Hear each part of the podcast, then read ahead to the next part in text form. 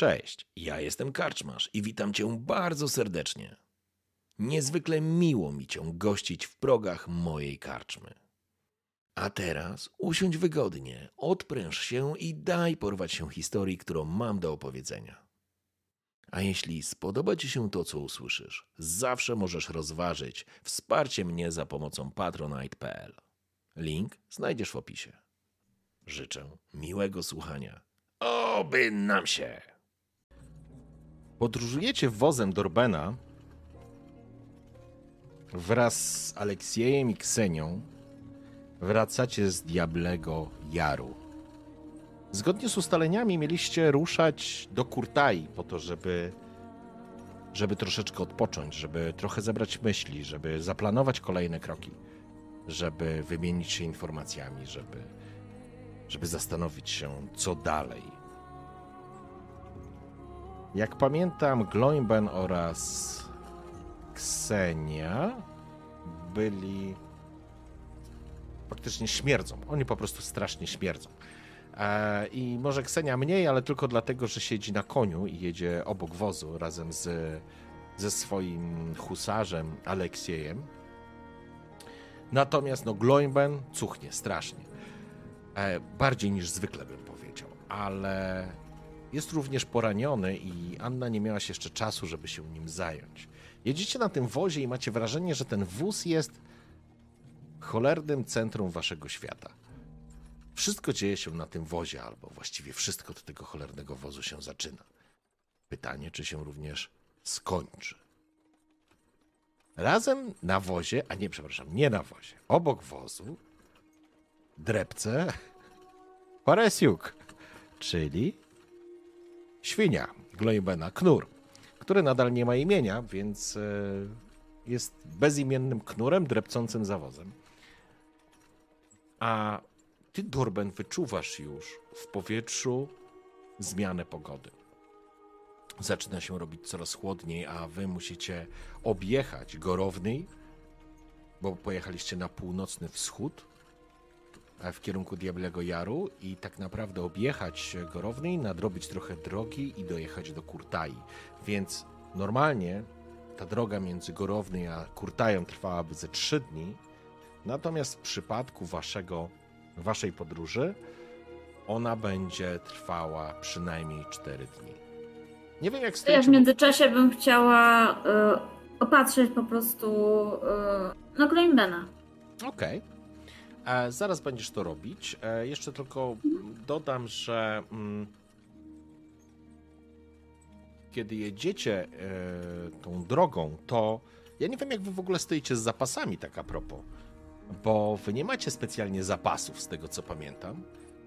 Więc na pewno będzie to, w pewnym momencie zrobi się to problem. Nic takiego, co by was, e, że tak powiem, wywróciło, ale z pewnością, kiedy dojedziecie do Kurtai, to będziecie głodni. Na pewno będziecie głodni, bo żadnego tam, może jakieś resztki waszego prowiantu jeszcze z początku waszej wyprawy gdzieś zostało. Nie zmienia to jednak faktu, że robi się chłodno, spadają gęste płatki śniegu i od strony zaczyna ciągnąć przenikliwy, mroźny wiatr, który wdziera się w każdy zakamarek waszego ubrania. Okej, jesteście na wozie. O, łatwo nie będzie. Przed nami ciężka przeprawa. No, tak. Bę- Będzie wiało, będzie zimno. Przygotujcie się. Gloim, co z tym świniakiem zrobisz? Z tucznikiem? Jak co? Jaki tucznik? Prędzej konia zeżre Dorbena jak mojego prosiaczka. Do dyszla nie będzie pasował. Przeprawić go. sa, sam jesteś ten dyszel i to jeszcze złamany. Odbierz go przy sposób w końcu. Będzie czas, będzie postój. Dorben, nauczysz coś tam. No przecież widzę, że nic nie umiesz, czy tylko byś wpychał i wpychał do gęby, a nic więcej. No a jak to inaczej? Oswoić trzeba. To chyba tak najlepiej. No zobaczysz, no zobaczysz. Swoić, swoić. Jakżeś spał, to jakżeś się do niego przytulał, he? Wiesz, jaki cieplutki, milutki. Ej, O, ja takiej sobie dziewki tu nie znajdziesz. Aleksiej poprawia. Teraz tak śmierdzi, że aż będzie uciekał od ciebie. Tak spogląda na was. Y, Greenben, czy ty możesz się nie ruszać? Ja próbuję cię opatrzyć, proszę cię. No przepraszam, przepraszam, już nie będę. I tej głowy mi tam pilnujcie, żeby mi nie zleciała. Będzie ładny ciuszek z niej. E, no tak, A z ucięty, czaszki? ucięty łeb trolla leży tam gdzieś na wozie w takim razie, tak? Salce słonu przytrocz. Niech się przyda na coś. No jeszcze mi ucieknie. Niech najpierw przywyknie, a później będzie dźwigał trofea. A z czaszki mu zrobimy ładny hełm bojowy. Oj, kloń do takiego smrodu to się nie przewieknie. Czy ja dobrze rozumiem, Dorben? On na tej świni chce jeździć? Wierzchem? Tak, Aleksiej się zagadać. Nie oceniaj, nie oceniaj. Ależ nie, nie oceniam. Jeno się zastanawiam, czy to w ogóle wykonalne. Jak to może wyglądać? A, a kiedy on będzie próbował? Obaczym. Oby jak Obaczym, najszybciej. obaczym jak to będzie wyglądać, ale ja chętnie na to bilety sprzedać będę. A ja bym nieco postawił. Ile Dokładnie. wytrzyma? Zakłady Oj, tak. też, też. Na, na dzikiej świni krasnolud. Tego jeszcze moje oczy nie widziały. Ale faktycznie. E, Okej, e, więc tak, pierwsza rzecz. Mm, Anna, opatrujesz e, Gloimbana, on faktycznie, no, co, co dostrzegasz? On tak naprawdę na tej swojej grubej, krasnoludzkiej, wytatuowanej skórze ma takie potężne teraz plamy, jakby oparzenia. I to jest chyba największy teraz problem, który faktycznie masz, bo jakby on nie ma ranciętych. Z tego co pamiętam, nie miałeś żadnych ranciętych ani miażdżonych, tylko po prostu ten troll Plfociny i te tak, żywowiny. tak, tak. Oblał ich, wyżygał, obrzygał ich tak naprawdę jakimś kwasem, czymś żrącym. I faktycznie widać na, na ramionach e, Gloimbena, na ciele Gloimbena po prostu takie czerwone, jakby oparzone placki, e, które, które faktycznie powodują dość duży ból. Więc e, tego typu, z takiego typu obrażeniami musisz sobie poradzić, ale ty jako wyszkolona medyczka dasz sobie z tym radę. Oczywiście możesz skorzystać z tych swoich maści, które przygotowałaś. E, I możemy Sobie je pot- chciałabym rzucić, bo to Okej, w porządku. mogę. Bo ta maść, to bym wolała ją tak na wszelki wypadek zostawić, jakby było grubo później, że tak Dobra, powiem. w porządku. No to rzucamy.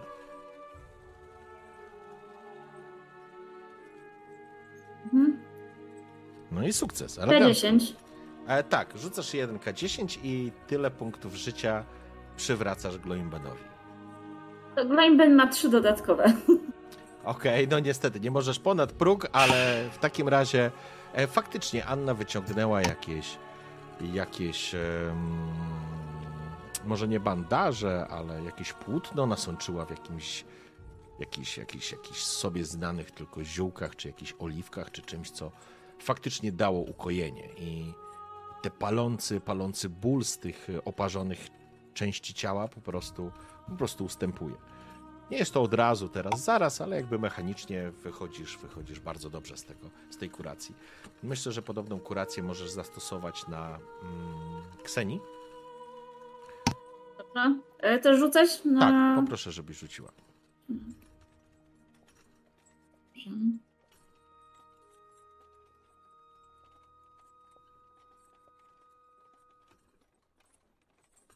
Okej, super. E, I rzuć proszę K10. Dużo mi się zrobiło już tych NPC-ów. E, Elegancko 6. W porządku. Więc y, jakby ta podróż trwa, tak jak powiedziałem, przynajmniej 4 dni. Ona robi się, robi się coraz bardziej chłodno, coraz bardziej głodno, ale faktycznie Anna opatrzyłaś zarówno Glaimbena, jak i Ksenię. A ta manka podziękowała ci po raz kolejny. Jestem twoją dłużniczką, Anno Lucen. Wiedz, że Tak do Kurtaja zawsze będzie stała przed tobą otworem. Czuj się tam jak u siebie w domu. I faktycznie te maści, wszystkie mm, maści, te, te, te, te opatrunki założyłaś? I teraz tak. Czy coś chcecie zrobić podczas tego czasu, czy przeskakujemy do Kurtai? Czy chcecie na przykład porozmawiać o wydarzeniach, które miały miejsce, podzielić się jakimiś informacjami? Czy chcemy przeskoczyć do Kurtai?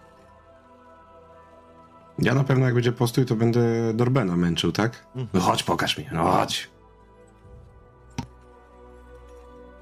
Valerii na okej. pewno, Valerii na pewno w momencie, kiedy są chwile wytchnienia, kiedy nie trzeba pomagać przy przeprawie, kiedy nie trzeba gdzieś tam popychać knurka Gloimbena, kiedy nie trzeba pomagać Annie czasami przerzucić niektórych leków na wozie. Zasępia się i myślami wraca. Myślami wraca jeszcze przed ten czas, kiedy musiał uciekać tak naprawdę z Kislewu. Wraca do czasów, kiedy Fedor jeszcze żył, kiedy go spotkał jeszcze wcześniej, kiedy Walerii w Kislewie musiał się ukrywać. Tego, co robił, przypomina sobie te niedawne płomienie, które zobaczył w momencie, kiedy Anna na niego patrzyła. Przypomina sobie pewien teatr, to co się tam stało, to co w nim robił i wcześniej. Przypomina sobie to, co robił Siergi. To wszystko jakby nagle powoli stawało się coraz bardziej jasne w głowie Waleriego.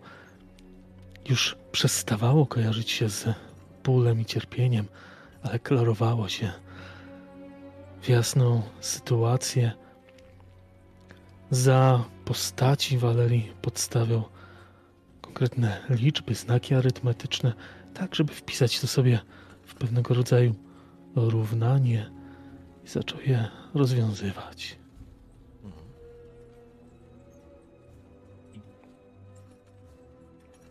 Okej.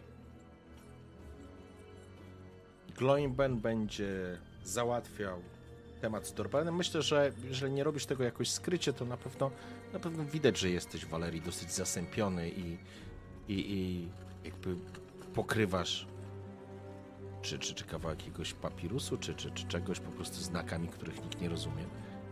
I na pewno, na pewno ktoś na to zwraca uwagę na, na zasadzie z zaciekawieniem, ale jak nie chcesz się dzielić informacją, to nikt nie chce, e, nikt o to nie będzie pytał.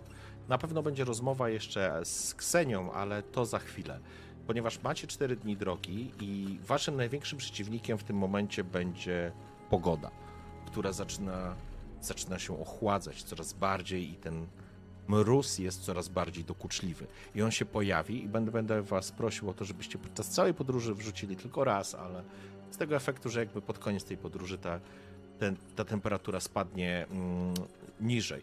Gloimben i Dorben, rozumiem, że wy rozmawiacie, zajmujące prowadzicie rozmowy o zwierzętach. Tak, jak najbardziej. Coś tam o świni, jak tam trzoda, jak można ją ubić. Ja ci tam robi? mówić. Ty mi powiedz lepiej, jak to do tego podejść, żeby to tak nie kwiczało. Jak to oswoić. Dorben, wyjaśnij ty mu, gdzie przód, a gdzie tył. O, to takie okrą- okrągłe, można się pomylić. Widzisz te, te, te okrągłe, takie zawinięte? To ty. A, widzisz, a myślałem, że tutaj za to się chwyta i jedzie. Albo możesz, jak złapiesz za ucho i złapiesz za, za, za tył, to możesz spokojnie przenosić. Ale nie proponuję. A to w galop przejdzie, w galop wtedy. No, wtedy, wtedy możesz właśnie wskoczyć i jechać. A, widzisz. To dawaj, próbuj. No, No. dawaj, dawaj! Ja tu dzięki mam. No tu tak, taka polanka, akuratnie, jak nawet dzika świnia cię zrzuci, to daleko nie ucieknie. No dawaj, dawaj. No, Glejmon, chciałeś śmiercią e, chwalebną zginąć. Masz okazję. Oj, tam zginąć nie zginę. Ja wam pokażę, zobaczycie. Tak podchodzę do knura, tak próbuję go obłaskawić, pogłaskać. No i spróbować dosiąść na oklep. E, dobrze, to, to znaczy tak, słuchaj, Knur na tyle cię już poznał, że jakby nie traktuje cię, do tej pory nie traktował cię jako wroga, ale jak próbujesz go dosiąść, to zaczynają się, zaczyna się cyrk. E, ja bym chciał, żebyś sobie rzucił na zręczność, Gloimben. Po prostu z cech, tak? Tak, no bo chyba, ma, Okej. chyba, że, chyba, że masz jakąś atletykę albo Nie, nie, nie, nie. akrobatykę, coś takiego. Zastraszanie, mocna głowa raczej nie pomoże. Nie, no raczej to nie są, nie, są elementy, które mogłyby ci pomóc, ale y, tak, tak, zdecydowanie chciałbym, żebyś, rzucił. Porażka. Dobrze, widzicie jak Gloimben włazi i ta świnia w pewnym momencie, jak się zorientowała, że sytuacja się rozwija na zupełnie nowy obszar, dotychczas zupełnie nieznany i niezbadany. Nagle knur, jak wyrwał spod ciebie, to po prostu tak jak na niego próbowałeś włazić, tak on dał dyla i Gloimben zwalił się po prostu w ziemię, e, to znaczy w ziemię, zwalił się na ziemię, a Knurek zaczął kwiczeć i po prostu odbiegł. Faktycznie, tak jak zakładał Aleksiej, e, zatrzymał się gdzieś tam na wysokości jakichś tam e, krzaków i, i, i drzew, ale dalej nie uciekł, ale po prostu odbiegł od ciebie. Ja tak wstaję. Aleksiej się- Pierwsze koty za płoty, Jak albo to który. Przecież to świnia. Oj, tak się mówi u nas. Aha, no to dobrze. Następnym razem będziemy się zakładać. Uch. No dobrze, i e, faktycznie przyjmijmy, że jest ten czas, w którym ty po prostu mu Dorben tłumaczysz, wyjaśniasz na tyle, ile można, w jaki sposób opiekować się zwierzętami albo czego one faktycznie potrzebują. Mm. Jedna rzecz tylko e, sprawdzę z czatem. Słuchajcie, bo tutaj Hadziu pisze, że jestem ciszej. Dajcie znać, czy faktycznie jestem ciszej, czy może coś powinienem jeszcze zrobić. Wy mnie e, słyszycie dobrze? Tak się zapytam tylko gracza. Mhm. Okej. E, Dobrze, to będzie taki moment, w, e, słuchaj, ja myślę, że te podstawy będziesz mógł, em, ja ci pozwolę, Gloimen, wykupić e, tą umiejętność tej opieki nad zwierzętami. Ale będę chciał, żebyś rzucił sobie udany test na inteligencję. Okej. Czysty na inteligencję, Tak, tak? to nie, nie ozna- jeżeli ci nie wyjdzie, to nie oznacza, że nie będziesz mógł e, Mhm. kupić tej umiejętności. Będziesz mógł ją kupić, ale, ale zrobimy to wtedy tak, że po prostu będziesz musiał jeszcze na korepetycję chodzić do Dorbena. Okej. O, panie. To ja dosiądę następnym razem to. Wow! Ty, Ta świnia jest ci przeznaczona. szybko się uczysz. No. O W sumie to ja. już teraz Gloimben powinien z tą świnią móc rozmawiać. Właściwie zaczynasz gadać po świńsku, Gloinben. Nie no, słuchaj, w porządku. Nie, nie, gratulacje. Gloinben, w ogóle bez dyskusji e, masz, e, masz tą umiejętność, możesz sobie ją zaznaczyć. Faktycznie dla ciebie te Dobra. 4 dni było, było ok. Nie wiem, czemu jestem ciszej, trochę mnie to martwi, ale zaraz sobie to ogarniemy. Co Anna robi w tym czasie? Anna nic nie robi. W sensie Anna po prostu sobie siedzi, tak troszeczkę się uśmiecha, jak widzi tutaj starania Gloimbena do zapanowania nad świnią, a poza tym dużo myśli. Dużo myśli, bo ona ma o czym myśleć, zdecydowanie ma. Okej, w porządku. Dobrze. E, Valerii e, i Dorben, coś jeszcze od was? Nie, chyba nie mam tutaj nic dodatkowego. Okej. Też nie. Dobrze. Mm, w takim razie. Jedno, Tak? Tylko jedno pytanie. Y, Ten ef- efekt tych, nazwijmy to, y, z wykolonymi oczami, nie pamiętam jak ich ładnie określiłeś. Bez oki. Oni się nazywają No, bez ocy. O, tak. Bez ocy, e, to jest, e, to, to jest normalne na stronie? Tak, żebyśmy wiedzieli. tak, jak najbardziej. I teraz e, faktycznie, bo tam spada, dobrze, że przypomniałeś, ponieważ po trafieniu krzepa spadła ci, nie? To tobie spadła? Nie, nie mi. Czy komu? Ktoś Wiesz co, ja mi- miałem Mhm. wytrzymałość minus jeden, ale czasowe. E, tak, czasowe. I zaraz zobaczę. Mhm. E, Okej, Dorben, bo ja myślałem, że to od ciebie chodziło. Nie, nie, nie. Okej, wytrzymałość ci wraca, po jednym dniu ci wraca, także, także jest okej. Dobra, e, w takim razie przyjmijmy, że to jest, nie wiem, druga noc, e, robi się coraz chłodniej, siedzicie przy jakimś mm, przy jakimś nasypie tak, żeby, żeby po prostu chronić się trochę od wiatru, jest rozpalone ognisko. Ksenia siedzi również razem z Aleksiejem. Wszyscy siedzicie blisko, podawany jest, podawana jest butelka kwasu. No dobrze, dojedziemy do Kurtai, odpoczniemy troszkę, ale trzeba się zastanowić, co dalej. Co wam udało się ustalić w górowni? Nie mieliśmy czasu o tym porozmawiać.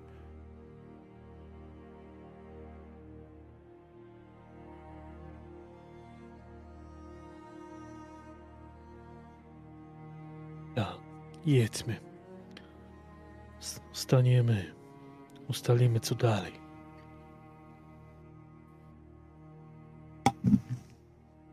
Jak co dalej, jak co dalej? Trzeba tego skurwysyna czarnego dowódcę zabić. Jak mu tam było? I tak patrzę na Waleriego. Spokojnie, Gloim. No i spokojnie, spokojnie. Nie ma spokojnie. Ten skurwysyn bruździ i to po całości. Co z wami robi? Co z waszymi wioskami? Aż mi się we mnie krew gotuje. I to cię może, może zgubić. Uspokój się. To trzeba na zimno. Lodowa wiedźma. To jest rozwiązanie.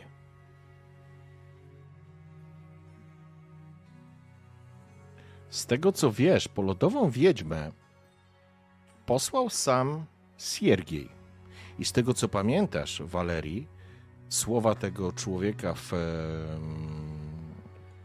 w tym kapturze, tego, który się nie przedstawił, z tego co ostatnie słowa, które on wypowiedział na zasadzie zajmij się Ksenią, na zasadzie atamanką najpierw, a później zajmiemy się lodową czarownicą. Tak jakby sugerował, że jej przybycie jest, nazwijmy to częścią planu, ale, ale raczej planu, który to on ma, a nie raczej, a nie czarownica. Mhm. Znaczy, jak rozumiem, czarownica jest po prostu jakąś rozjemczynią tutaj w tych, w tych sporach, która ma władzę, powiedzmy, wykonawczą, tak, nad tym, nad tym terenem.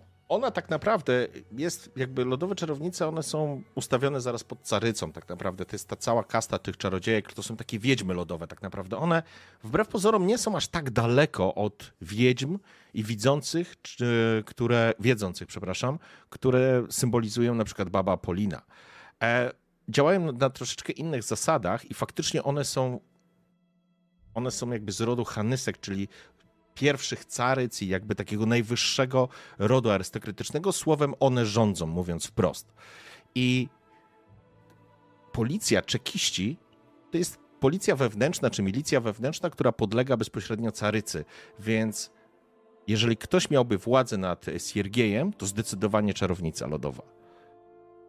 E, Natomiast same czarownice, pomimo jakby ich politycznej władzy e, w Kislewie, one również faktycznie są przywódczyniami, wojowniczkami, nazwijmy to w ten sposób, i osobami, które funkcjonują w stranie, walczą z chaosem, stają twarzą w twarz z niebezpieczeństwem i bronią Kislewu. Z tym, że faktycznie tak jak Ungołowie i Baby są związane z takimi jakby bardziej ludami koczowniczymi, bardziej niższymi warstwami społecznymi, tak lodowe wiedźmy, lodowe czarownice są zdecydowanie arystokracją, najwyżej postawioną. lodowej czarownicy musimy jednak dotrzeć, zanim przybędzie ona na miejsce. Na pewno przed Pakumowem.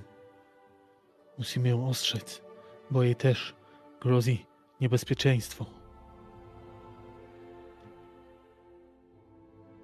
Jeśli ten człowiek nie boi się podnieść ręki na lodową wiedźmę, to musimy ją ostrzec.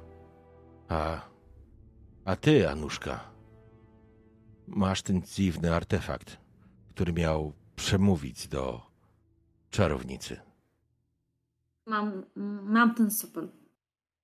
Tak, ten sopel, który przebite zostało ciało e, Atamana Juriego. Cały czas go mam. Zatem dobrze. Przyjedziemy. Skąd będzie jechać ta czarownica? Może ktoś coś wie? Mm, Słyszałem, dokąd pojechał ten człowiek Nie. po nią? To znaczy, prawdopodobnie możesz, można zasugerować się, że jest, pojechał w kierunku Kislewu, co by oznaczało, że to będzie trwało całkiem sporo czasu, Mhm. ale być może jest gdzieś w stranie, w innych stanicach, mogła e, być taka e, lodowa wiedźma, kto, po którą po prostu można byłoby szybciej e, przywieźć. Plusem jest to, że jeżeli będzie jechać z południa, to jest bardzo duże prawdopodobieństwo, że przejedzie przez Kurtaję. Mhm. A od, po, od północy e, ciągnie się potężna rzeka, rzeka Lysen, jak nie przekręcam nazwy, więc raczej od północy mało prawdopodobne, żeby do Gorownej ktoś jechał. Raczej będzie to szlak przez południe, z południa. Właśnie proponuję. Najprawdopodobniej z południa przybędzie. Tam myślę, że można, można się na nią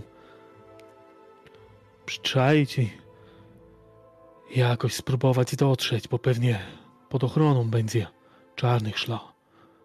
Ale nie wiadomo, zobaczymy. Czekaj, czekaj, czekaj. A wy macie jeszcze te łachy tych czarnych? Przy sobie czy nie? Na bozie gdzieś są. No patrz tu, po prawej. Ja, schowaliśmy tam pod kozłem na No powrót. to, to problem się rozwiązuje pomalutku. Można. Możecie się przebrać. Wyjść im naprzeciw. A wtedy. Ja z moją perełką zaskoczymy ich z drugiej strony. Zrobimy rozpierduchę, no i. Walki tam nam nie trzeba. Pamiętaj. Oj, tam nie trzeba, nie trzeba. Zawsze od tej walki stronicie. Ja nie wiem. Ja, ale tutaj rozmawiać trzeba. Walki nam u celu nie zabraknie, jak do konfrontacji przyjdzie. Z czarnymi chcesz rozmawiać? Nie, z lodową wiedźmą. Jak Żeby z do niej mieczem, się dostać, to czarnych trzeba się pozbyć. to nie ci sami I czarni. wiesz o tym doskonale. To nie ci sami czarni. Pamiętaj. Naszymi Ci wrogami są... Naszymi wrogami są ci, którzy przy Sergie- Sergieju siedzą. Jego musimy wyeliminować. To on jest problemem. On i Tutaj. jego pomocnik, a raczej doradca. A Poza tym właściwie, weźcie... a właściwie pryncypał. Bo to Siergiej, jego się bał. Jak podsłuchiwałem, respekt ma do tego człowieka. Ogromny. Boi się go. Szalenie się go boi. To jakiś czarownik. Fedor mi tak rzekł. Czarownik, który zaprzedał się chaosowi.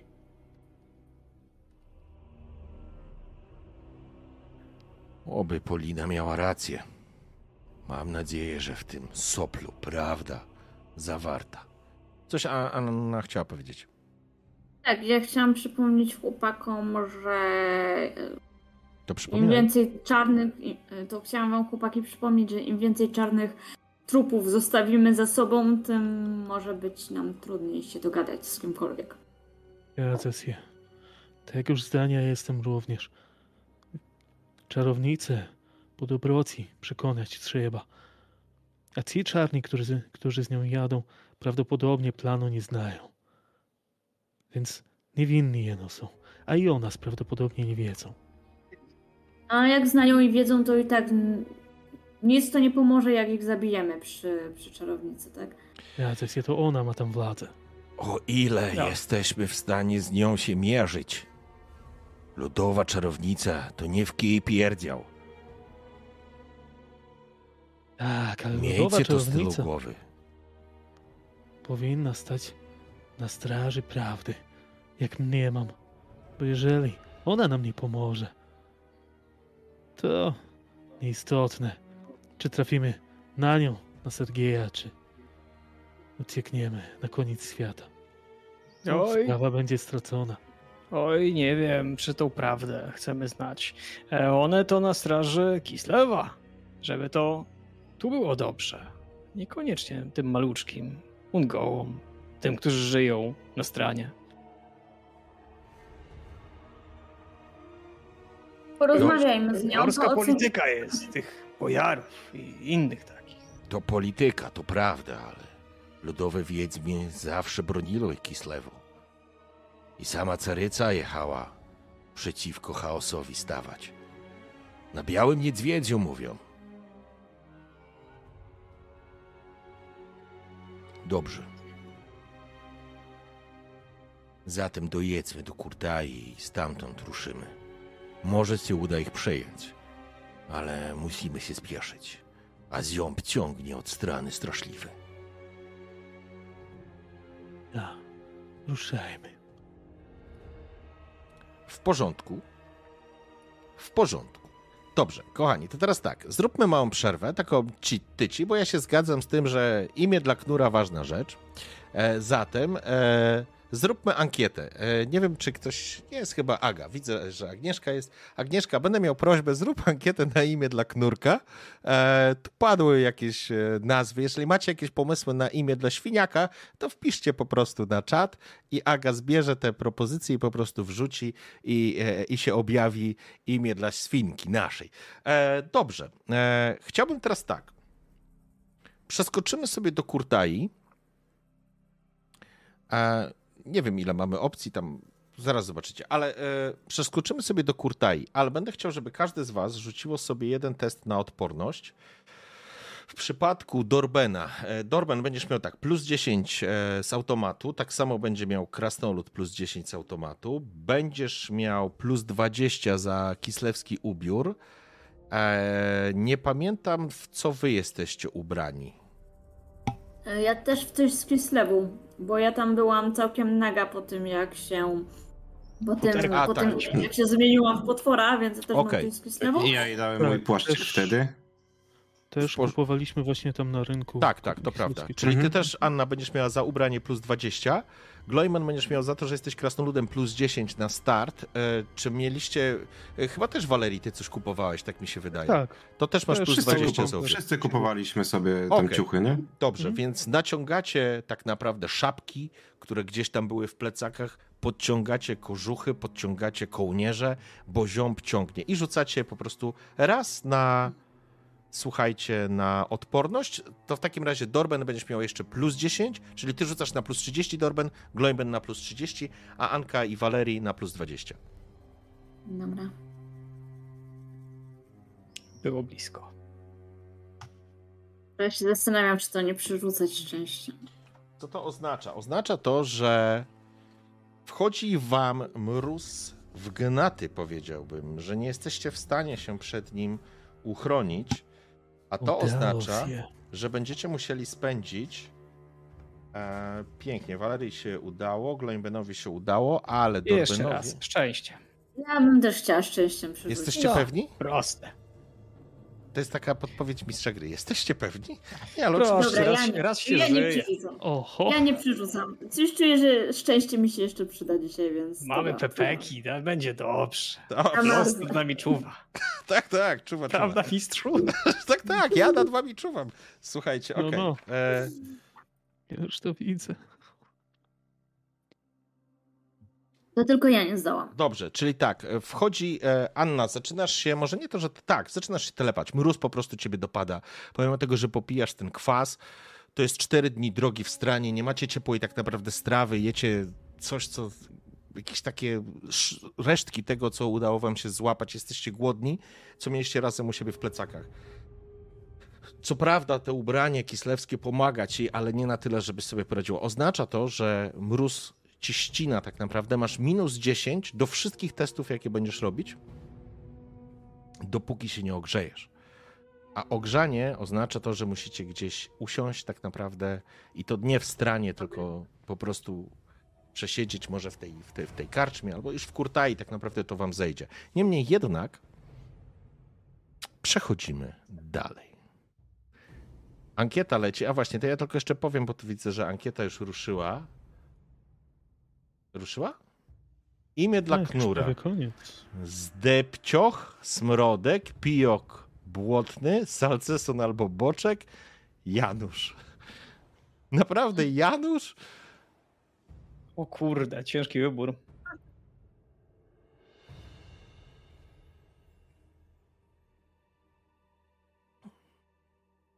Jezus. No nie, Zdepcioch chyba wygra. Chyba? No, między zdepcioch Tak, jest. Zdepcioch, Zdepcioch i jeszcze Emirwar, Emrej, sam cesarz Nilfgaardu zagłosował na imię dla wieprza. Dziękujemy, Emir. Zdepcioch, taka jest wola ludu, taka jest wola strony i duchów, które na tej stronie wam e, towarzyszą. Aj, aj, niech tak będzie. Zdepcioszek, mój kochany. Zdepcioszek? Cóż to za nazwa dla świni? Jak? A- Aleksiej Nazwa się dobra jak każda inna. Zdeptał tutaj kawał ziemi, zdeptał. Ja tam zdecydowanie wolałbym go nazwać salceson albo szynka. Ale Zdepcioch, no ale cóż, knur jest twój. Powiedz do niego salceson i popatrz w jego oczka. Zobacz, jakie smutne mu się robią. No, świnia też. Świnia też człowiek. Jeszcze zobaczysz, podziękujesz. Aleksij patrzy na was, e, kiwając głową, nie do końca Szynką, rozumiejąc. szynką nazwiemy, jak z rusztu zejdzie. Okej, dobrze, kochani. W takich całkiem miłych nastrojach zmierzacie do Kurtai. Wóz się kolebie po stepie, mróz robi się coraz mocniejszy. Wyczuwacie, tak jak powiedziałem, każdy z was czuje ten chłód, ale tak naprawdę Anka zaczyna się telepać. Zaczyna pociągać nosem, zaczyna dzwonić trochę zębami. Ja tak wyciągam jeszcze Mhm. flaszkę. Anuszka, masz sobie golni, bo widzę, że się ziom strasznie bierze. To cię rozgrzeje troszeczkę. Dzięki, Glenba. Pociągasz fak- faktycznie, jakby żywy ogień zaczyna palić cię w gardle, ale przez chwilę robi się cieplej, przez chwilę robi się milej. A wy po tych kilku dniach dostrzegacie w końcu Kurtaję. Ksenia, uśmiechnięta, już spogląda się, pomimo tego, że oszronione są te wasze płaszcze, kołnierze, nosy, sine się zrobiło od zimna. Sama świadomość, że dojeżdżacie do Kurtai jest, miejsc, jest, jest już pokrzepiająca i każdemu z was na tą myśl robi się cieplej. I znowu podjeżdżacie do Kurtai i faktycznie ten śnieg cały czas wam towarzyszy. Wiatr cały czas duje, e, natomiast mm, Kurtaja oczywiście nie zmieniła się od ostatniego waszego mm, od ostatniego wasze, od ostatniej waszej wizyty nie udało się ani lepiej rozbudować. Dalej jest wielkim placem budowy. Wielkim, no po prostu te kilka chałupin. I kiedy Dorben jedziesz, Ksenia się spogląda. Och, dom. Dorben, czujesz? Aleksiej, jesteśmy w dom. I kiedy Mam nadzieję, że sobie poradzili. ruszacie, mm, zjeżdżacie taką drogą. Wóz podskakuje na, na wybojach. Pamiętacie, że mm, Ksenia wysłała tutaj tych rannych, żeby, żeby po prostu tutaj odczekali na wasz powrót z Diablego Jaru. Ale kiedy wjeżdżacie, Anna mrużysz lekko oczy, bo nad tym zasypanym śniegiem, placem budowy, kilkoma strzechami, które są przykryte śniegiem, dostrzegasz, jak wiatr rozdmuchuje takie puszyste chmury tego, tego, tego śniegu, który jeszcze że się nie, nie uklepał, tylko jest jak taki puch. I w pewnym momencie dostrzegasz, jak pomiędzy tym białym puchem przesuwają się takie purpurowe, ciemne pasma które zaczynają osiadać, tak jak ten śnieg na dachach i tak jakby były lżejsze od powietrza, one się tak jak te kłęby dymu jakby tak zsuwają i opadają w dół. I widzisz to w pewnej odległości. No Ja, ja to mówię oczywiście, że widzę po prostu śmierć tutaj, tak? No bo już wiem od, od baby, że, że to jest śmierć. Cóż Baby ty, Polina. cóż ty, Anuszko, gadasz? Jak to śmierć? Nie wiem, po prostu to widzę. Coś tam się stało. Musimy tam zobaczyć, co się stało jak najszybciej. Aleksiej, Dorben, poganiaj szkapę. Aleksiej, jedziemy. Ona spina konia i wyprzedza wasz wóz. Aleksiej natychmiast do, wyrównuje z nią, że tak powiem się, w galopie i oni zjeżdżają drogą i faktycznie widzisz tam rozbity ostroku, który był, który był e, naprawiany i robiony. Pamiętacie, jak wjeżdżaliście tutaj, pamiętacie, że na końcu ulicy jest ta nowa, nazwijmy to gospoda, w której odpoczywaliście. Torturowaliście jednego kiezaka, ale to takie tam. W każdym razie, kiedy wjeżdżacie do środka i ten kobyła się, że tak powiem, do, dotelepała do, do wjazdu, widzicie jak konie em, Ksenii oraz Aleksieja stoją na tej drodze wjazdowej. Oni patrzą się w dal, w ogóle się nie ruszają, a dla ty dostrzegasz coraz więcej tych pasm fioletowego, tego, tego dymu, powiedziałabyś. I spoglądacie w pewnym momencie, oni się obracają, ich twarze są blade. I w pewnym momencie po prostu wasz koń dojeżdża, oni się rozchodzą jakby po bokach i waszym oczom na środku tej drogi widzicie wiszące ciała, które chyboczą się na wietrze. Na jednym z nich kruki wydziubują oko, wydziobują. Spoglądacie i, i dostrzegacie, że ten pierwszy, co wisi, to ten chyba starszy dziadek, który, który wtedy był razem z Artemem i Darają. I czujecie, jak coś rośnie wam w gardle i na plecach spływa zimny pot, bo, bo dalej na wietrze, na takiej improwizowanej szubienicy buja się Daraja. A za nią kolejny mieszkaniec. A jeszcze dalej potężny mężczyzna. Artem. I te ciała, Ciała są w są takim. jeszcze- O, o, oni, po, oni wiszą po prostu na takich zaimprowizowanych szubienicach wzdłuż ulicy. Te ciała są jeszcze ciepłe, nie wiem, paruje od, od nich, czy mają z- raczej kilka dni już? Nie masz pojęcia, to znaczy no nic nie paruje od nich, oni, oni są po prostu powieszeni, ale faktycznie są obsypane śniegiem, więc, ale śnieg cały czas pada, więc dla ciebie to równie dobrze mogli być powieszeni 15 czy, no przesadzam, ale dwie godziny temu albo trzy dni temu, nie? Na bogów. Zeskakuje z konia Ksenia, również Aleksiej i podchodzi do pierwszego wiszącego ciała. Co tu się wydarzyło? Na Ursuna, co tu się wydarzyło? To robota końskich fiutów. Jak wyjeżdżaliśmy, wszyscy żyli. Może w międzyczasie Siergiej wysłał tu jakiś rajd. Sprawdźmy w obejściach. Co tu się Skąd stać Siergiej mogło? miałby wiedzieć, że my tutaj wrócimy? A mnie, mnie coś mówi, że to kiezacy. Sprawdźmy, ale miejmy się na baczności. To bądźcie broni, bo cholera wie, co tu siedzi. Tak, ale trzeba ich wszystkich pościągać i pochować. Sensie, no pochować jako spalić ciała, tak? No, Będzie na to czas. żegnanie. Nie wiadomo, czy ktoś tutaj jeszcze został. Jasnoolek Gl- dobrze mówi.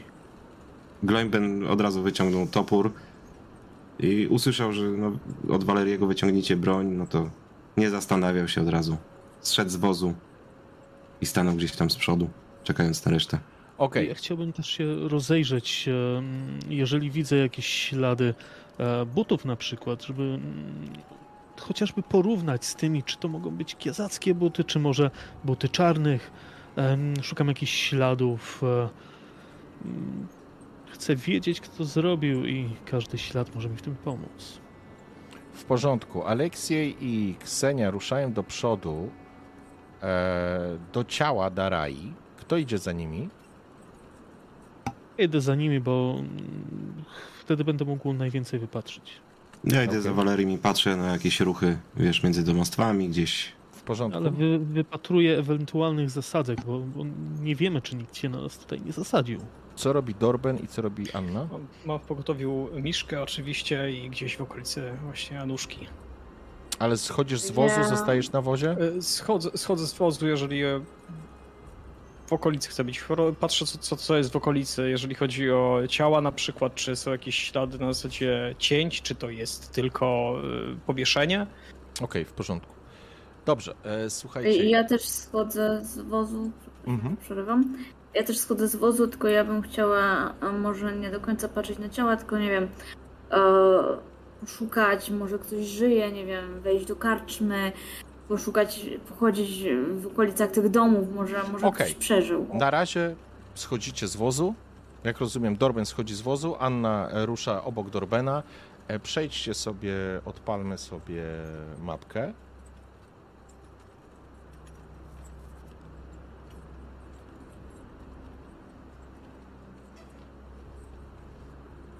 Oczywiście tutaj jest zaśnieżone tutaj. Świnka nie biega w obejściu, także musicie wziąć pod uwagę. E, Ale e, mniej więcej tak to wygląda wzdłuż tej głównej ulicy. Ten budynek po prawej stronie, tam gdzie ta świnka jest w obejściu, to jest, e, to jest ta karczma. Przyjmijmy, że to jest ta karczma. Natomiast podchodzicie i zaczynacie oglądać, tak jak powiedzieliście, i miałbym prośbę, żeby każde z Was rzuciło na spostrzegawczość. To znaczy ci, którzy się rozglądają. Mam plus 10 do spostrzegawczości w wykrywaniu pułapek. Okej. Czy to, co ja mówiłam, podchodzi pod rozglądanie się? To znaczy, z tego co rozumiem, jakby ty powiedziałaś y, bardzo dużo akcji. Ja szukam, czy ktoś przeżył. Okej, czyli ogólnie. e, no Szukam widzisz, śladów, czy ktoś po prostu mógł przeżyć. ale to znaczy widzisz tylko te ciała, które są tutaj wystawione, że tak powiem, na publiczne oglądanie. I ja jeszcze sobie zaraz do tego. Chodzi mi o to, że patrzę, nie wiem, w oknach, czy nie zauważę jakiegoś ruchu, coś takiego. To rzuć sobie na po okna spostrzegawczość patrzę. też.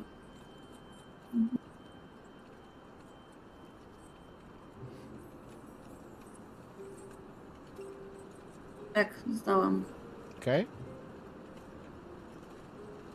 Dorben jest skupiony na ciałach, a więc to raczej nie będzie chodzi- podchodziło pod rozglądanie się. W porządku. Mm, Okej. Ja sobie tylko tutaj zrobię jedną rzecz.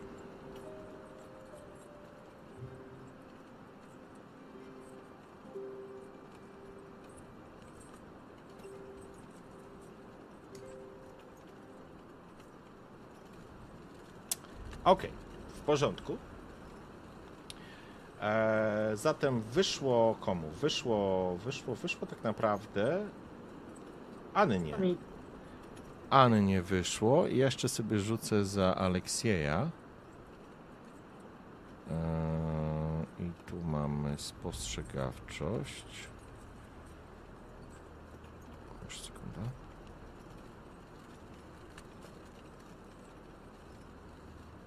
Okej. Dobrze. Stoicie, to znaczy Ksenia tak naprawdę widać jest bardzo poruszona. Podchodzi do ciała Darai, próbuje ją, próbuje ją ściągać tak naprawdę, odcinać. Aleksiej w rękach takie jak właściwie jakby cała sytuacja natychmiast wym, wym, wymusza od każdego z was e, wyciągnięcie i dobycie broni, tak, żeby, żeby w razie co być gotowym. Aleksiej ma w, w ręku tarczę i, i jakby trzyma dłoń na rękojeści miecza, rozglądając się. Walerii, ty się rozglądasz, tak samo Gloimben i, i Dorben właściwie podchodzisz, widzisz ciała, ten, ten starzec, ty go znasz. Ty go znasz. I to jest moment, w którym ty na samym końcu, Anna, idziesz tak naprawdę obok Dorbena i zaczynasz rozglądać się po oknach i następuje jedna rzecz. E, moment, gdzie mi się to uciekło? Tu się uciekło. Kiedy ty rozglądasz się, dostrzegasz, jak w oknie na lewo od ciebie, tak jak na północ, czyli tak naprawdę w, przyjmij na zach- w zachodnim tym budynku, w którym jest mm, po zachodniej stronie, masz wrażenie, że coś mignęło, że ktoś się przyglądał i kiedy ty się spojrzałaś, się szybko cofnął. Mhm. Nikt poza wami tego nie zauważył. Po, poza Anną, bo chyba Ja nikomu te- innemu nie wyszło. Tak, tak, tylko mi wyszło, no to ja tak jakby bez słowa w ogóle, w sensie nie mówię chłopakom, po prostu tam wchodzę. Podchodzę do budynku i próbuję otworzyć drzwi i, i tam po prostu wejść. Okej? I, I mówię do tego, y, w sensie, y, jak jestem przy drzwiach, to mówię, y, chcemy pomóc, co tu się stało, czy nie chcemy ci zrobić krzywdy. Ja słysząc, że Anka do kogoś mówi, od razu idę w jej stronę i chcę po prostu wejść pierwszy, nie? Jak będzie chciała E, wejść nie, do będziesz, budynku. nie będziesz w stanie wejść pierwszy, Anna nikomu nic Mhm. nie powiedziała, ruszyła do drzwi i kiedy usłyszałeś, że chcemy wam pomóc, nie bójcie się, tak naprawdę wszyscy byliście skupieni, każdy próbował coś wypatrzeć, ale nikt niczego nie wypatrzył. A jedyną osobą, która wypatrzyła była Anna, ale Anna nie powiedziała nic. Zatem Okej. Anna stoi przy drzwiach i tak naprawdę Gloimben, ty to usłyszawszy, obracasz się do niej i w pewnym momencie drzwi się otwierają i słyszycie bracich! I kochani, No to Ale i, I to oznacza, teraz poczekajcie, teraz ja się pobawię troszkę. Mm, Wiecie, my tutaj, tu mamy całą bandę. I tak naprawdę wszyscy jesteście zaskoczeni, poza Anną. Mhm. w pewnym momencie do, słyszycie tak naprawdę, że osoby, które się ukrywały do tej pory, nagle wychodzą, jakby przygotow przygotowane są do, do, do, do jakby. Weszliście prosto w pułapkę e, przygotowaną przez, przez czekistów, bo zdecydowanie widzisz Ankę czekistów. Mężczyzna w szapce na głowie sięga po szablę, szablę ma przygotowaną tak naprawdę i wyciąga rękę po ciebie. Chciałbym, żebyś ty sobie rzuciła inicjatywę, zobaczymy, kto będzie pierwszy. Mhm. 37. Super, jesteś pierwsza. To bardzo dobra wiadomość, bo w tym momencie te drzwi się przed tobą otworzyły. Zobaczyłaś tego typa, który po prostu. On, on chce cię, będzie cię chciał po prostu zaatakować. W tle zauważyłeś jeszcze jednego, jednego mężczyznę, tak naprawdę, ale to, jest, to wszystko się dzieje w jednym momencie i tak naprawdę oni Mhm. będą mogli wykonać pierwszy atak w was. Wy nic nie będziecie poza Anką mogli zrobić w pierwszej rundzie. Przepraszam. Nie chciałam. Myślałam, że ktoś czy, przeżył. No to ja ogólnie tak jakby, e, bo ja miałam miecz schowany, tak? Ja go, ja go gdzieś tam nie wyciągnęłam, więc tak jakby odskakuję i wyciągam miecz, żeby, żeby się po Znaczy tak. móc nieporadnie bronić. Ania, coś, co, możesz, co możesz zrobić? Możesz wykorzystać, e, spalić podwójną akcję, żeby zrobić odwrót. Czyli bezpiecznie wykona, wycofasz się z walki, tak że przeciwnik, który stoi przed tobą, nie będzie mógł cię zaatakować za free. Bo jeżeli. No to, to chcę zrobić. Okej, bo jeżeli wiesz, sięgniesz po broń, no to będzie akcja. Jeżeli się cofniesz, to on będzie po prostu mógł cię zaatakować, więc Dobra, nie, nie, dobra, tej to ja spalam sytuacji- tą podwójną akcję, żeby zwiać, bo, bo nie ukłamujmy się, no ja, ja nie walczę, tak? w tej sytuacji, w tej sytuacji myślę, że to jest naj, najlepsza opcja. I Anna, ty tak naprawdę Mhm. wycofujesz się. To jest ten moment, kiedy Gloim mógł zrobić krok do przodu, bo to wszystko się zaczyna dziać w tym samym momencie, ale wasi przeciwnicy, przynajmniej trzech, będzie strzelać do was z łuków.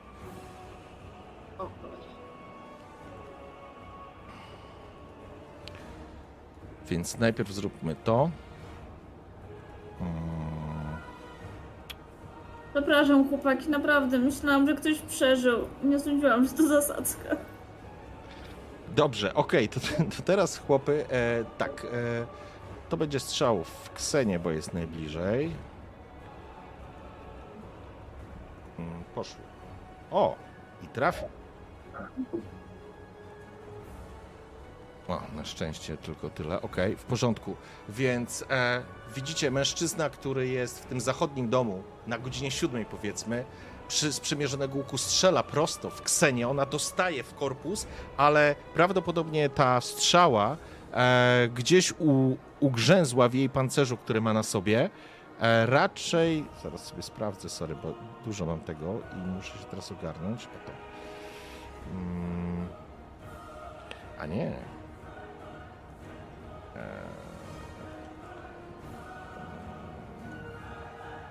W porządku. Nie, to jednak strzała ją dosięga. Ona krzyknęła, kiedy.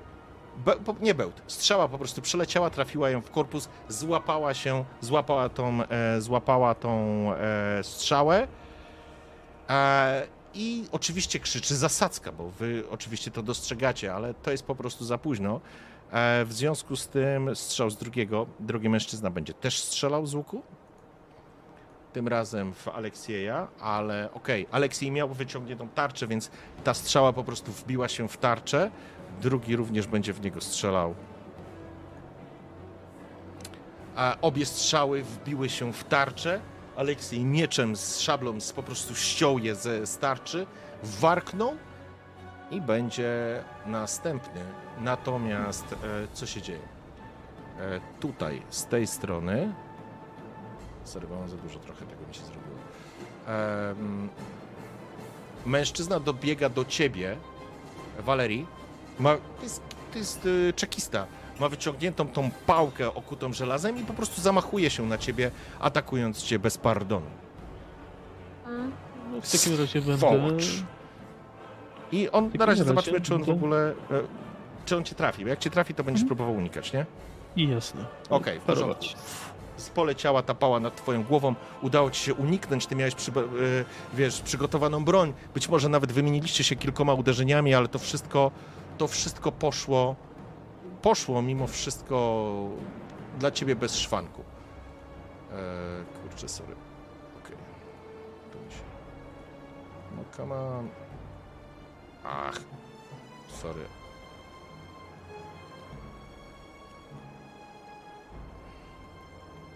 Ten program jest spoko, ale czasami potrafi się zawiesić. W porządku. Mężczyzna, od którego ty, Anna, uciekłaś, wybiega i ponieważ Gloim zrobił krok do przodu, atakuje bezpośrednio Gloima. Również pałką nabijaną, e, nabijaną tymi ćwiekami. Przepraszam. Ja naprawdę nie chciałam. E, Gloim, widzisz po prostu nad głową ci przelatuje, dosięgnąłeś, masz już swoją broń w, w, przy sobie, więc nie masz żadnego problemu. Wiesz co, ja będę chciał parować, ale Nie musisz. odblokuj nam rzuty na rolu, nie? Bo nie, nie widzimy. A Jezus, ja cały czas rzucam na ukrytych, przepraszam, e, sorry. Mhm. W porządku, dobrze powiedziałeś. E, teraz już będzie ok. I zostaje ostatni typ, który wy będzie. Co on może zrobić? On może wyjść. Nie, on zrobi krok i. i będzie mierzył z łuku.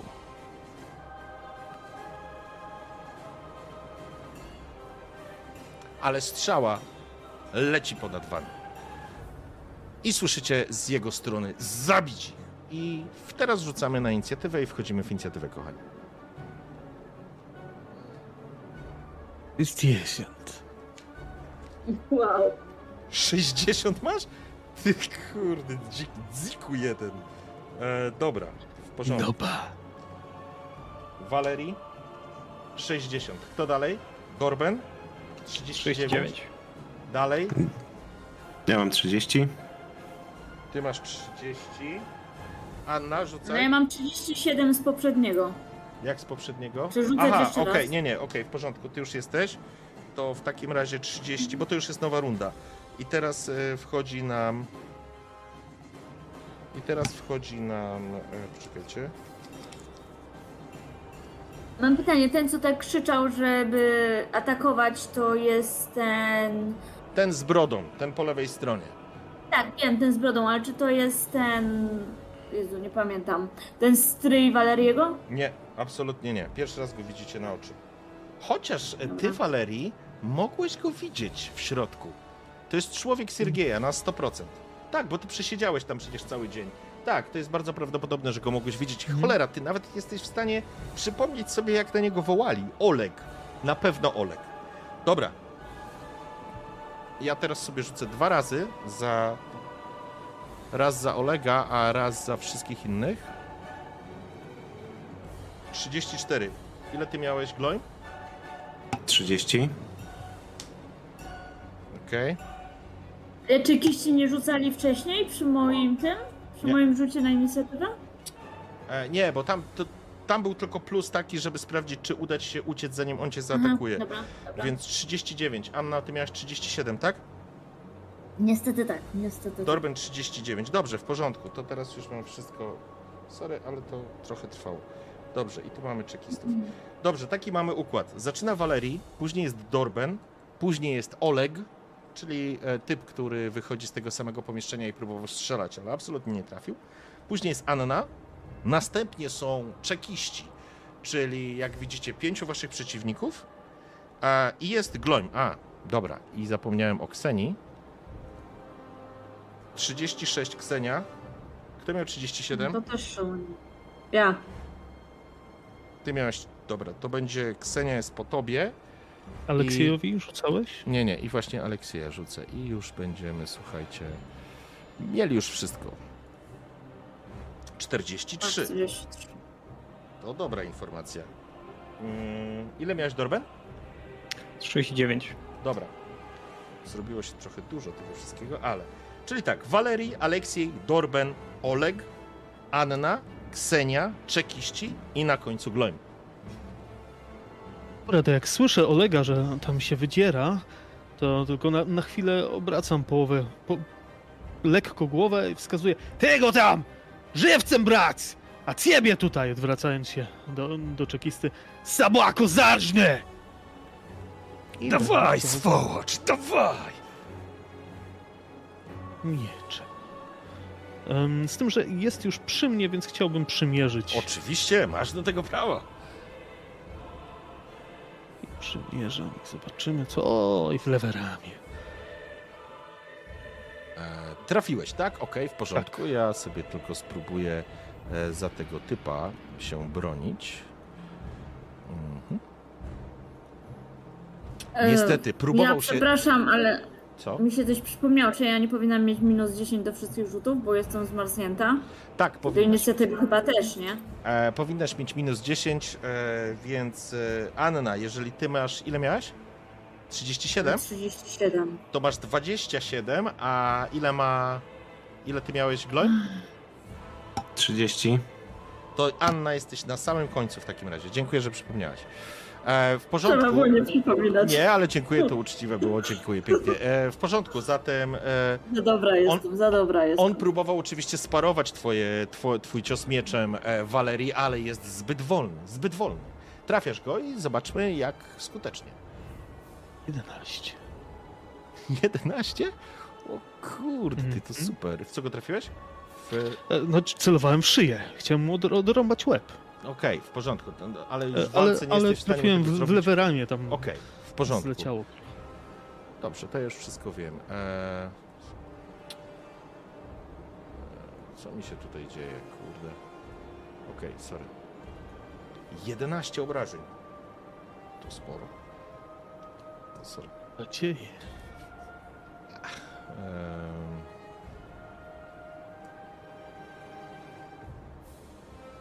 Dobra. Cięcie poszło tym mieczem, rozorałeś tak naprawdę ten, tą kufajkę, którą ma na sobie. A, wrzasnął! Diabli nadali! Krew buchnęła mu z ręki. Zdychaj, mówiłem! Zdychaj, sabaka! Próbował się zasłonić, ale był zbyt wolny. Ty w tych swoich zaułkach walczyłeś z twardszymi. Teraz Aleksiej, który wściekły, rzuca się tak naprawdę, na kogo może się rzucić? Oni strzelali, więc on będzie dobiegał.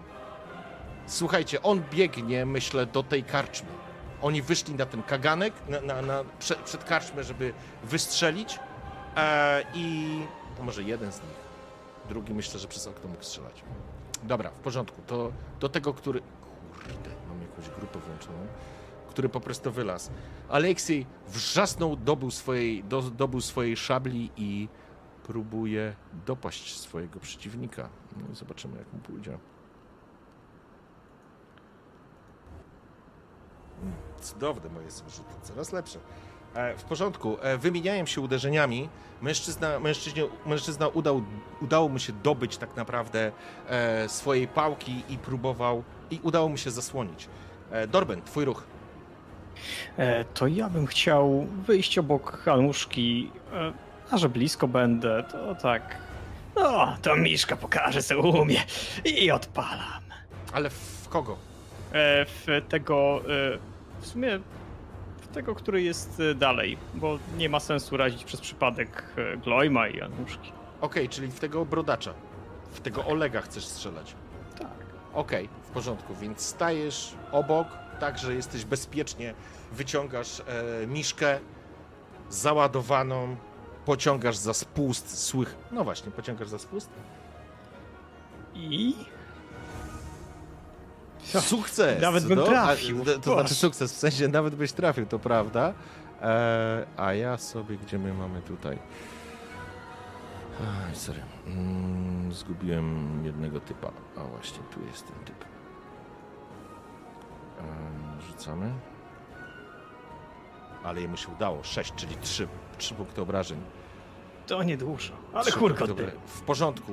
Wystrzeliłeś w oparach dymu, znowu słyszeliście, świnia zaczęła kwiczeć gdzieś tam z tyłu, szarpie się na tym postronku, siekańce uderzyły w drewnianą konstrukcję, stare, stare belki, może stare elementy z- zostały roztrzaskane, mężczyzna się us cofnął, właściwie uskoczył, schował się za ścianę. Słyszycie, że dostał część, e, częściowo tymi odłamkami, ale, ale nie zrobiło to na nim e, większego wrażenia. I, I chciałbym skorzystać z szybkiego wyciągnięcia, dobrać toporka. W porządku. Zatem tak się stało. E, Olek w takim razie wypada e, w kierunku twoim Dorben. Również z wyciągniętą, to znaczy już z wyciągniętą bronią. Spogląda się na ciebie. E, Zapraszam. Ungolski śmieciu. Zapłacisz za to. I rzuca się na ciebie, walcząc. Eee... W porządku. Poszło. Pałka leci, wymieniacie się po prostu uderzeniami, ale nic, e, nic większego się nie stało. Teraz Ksenia, która wstała tak naprawdę z, z ziemi, rzuca się w kierunku mężczyzny, który w nią strzelił. Kislew! I biegnie szarżując z wyciągniętą bronią.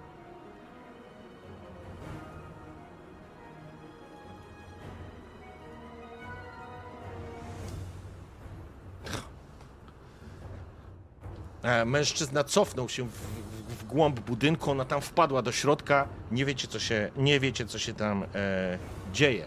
Ale teraz przechodzimy do, do czekistów i zacznijmy od tych, który, którzy są przed wami. Czyli Gloimben, ty jesteś pierwszy. Wiesz co, krasnolud jest za... To znaczy, on, wyraz. nie, będziesz, będziesz atakowany. Ty będziesz atakowany. Aha, no teraz, dobra? Bo to teraz- będę parował, wiesz? No na razie, Jak mu to- się uda. na razie nie musisz. A, no to nie Na razie muszę. nie musisz, bo przecież e, o, oni nie potrafią zrobić absolutnie nic. Znaczy ja nie potrafię rzucać, więc e, wymieniasz się, wymieniasz się uderzeniami z czekistą bez problemu, parujesz e, nieporadne uderzenia. Czekista, który walczy teraz z Valerim, e, zraniony, wściekły sabaka i atakuje ciebie. I ciebie trafi. Możesz parować Mogę- lub unikać. Mogę parować. Tak, Chyba nie masz uników. Dobra? Nie mam. Okej.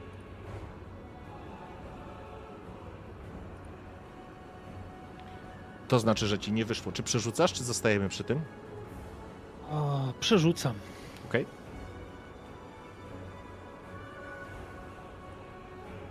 Cudownie. Zamachnął się raz, był bardzo blisko. Ta żelazna okuta pała mignęła tak naprawdę obok twojego ramienia, ale wygiąłeś się jak fryga przed tym uderzeniem i wystawiłeś swój miecz. Ty masz miecz czy szablę? E, mam miecz. Miecz, mam okej. miecz i, i sztylet. W porządku, więc może faktycznie zrobiłeś jakieś krzyżowe parowanie, e, z, e, wy, wyhamowując e, potężne uderzenie, które mogłoby, mogłoby cię trafić. Porządku. Krzyczę jeszcze m, prosto w twarz. Zdechniesz tu dzisiaj! Ja! On z wściekłością, ale widzisz, że tak kapiąca, kurwa, kapiąca krew e, z ramienia może go osłabiła. W każdym razie mamy kolejnego, który będzie walczył z Aleksiejem i on go trafi. A Aleksiej... Mm, parowanie. Porządku. Zamachnął się też żelaznym buzdyganem, ale e, wymieniają się uderzeniami, a Aleksiej bardzo zręcznie to e, wyłapuje na tarczę, obija tą tarczę, ten się śmieje i też krzycze, tak jak ty to, Walerii, przed chwilą, zdechniesz, psie, zdechniesz na tej ziemi i zaczyna się walka dalej. E, dobrze, ten sobie przeładuje łuk i strzeli. Pamiętacie, czy przeładowanie łuku to jest jedna akcja? Nie chciałbym... Znaczy kuszy to na pewno nie, tak. kuszy. Nie, nie, kusza to jest cała runda, ta na 100%. E, A, pytanie, Łuku nie czy... pamiętam. Przy łuku chyba to jest natychmi- natychmiastowe. Zaraz zobaczę. Chyba Ale nie natychmiastowe, ale nie chcę... Nie? Myślę, że nie. Natychmiastowe to nie jest. Łuk. Jest akcja przeładowanie, czyli on może przeładować i strzelić. W porządku, więc tak się dzieje i on będzie strzelał w, w Aleksieja, bo jest najbliżej. No ale ja tam nie, nie, nie mam żadnych większych szans na to. Strzała gdzieś sobie poleciała i już tylko dla mnie e, jedna rzecz. O! O!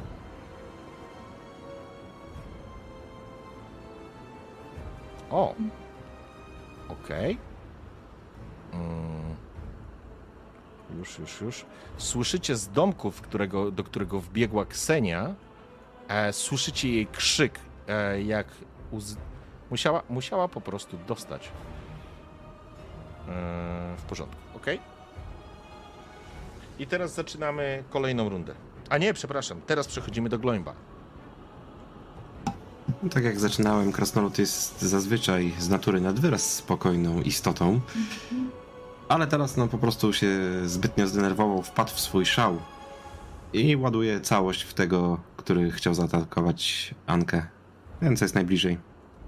Okej, w porządku. E, Zatem zapraszam, masz wtedy masz plus, Plus e, 20. Tak. Ponieważ Anka nie walczyła jeszcze, to ona będzie miała Ja na końcu. robot. E, czyli atakujesz na plus 20.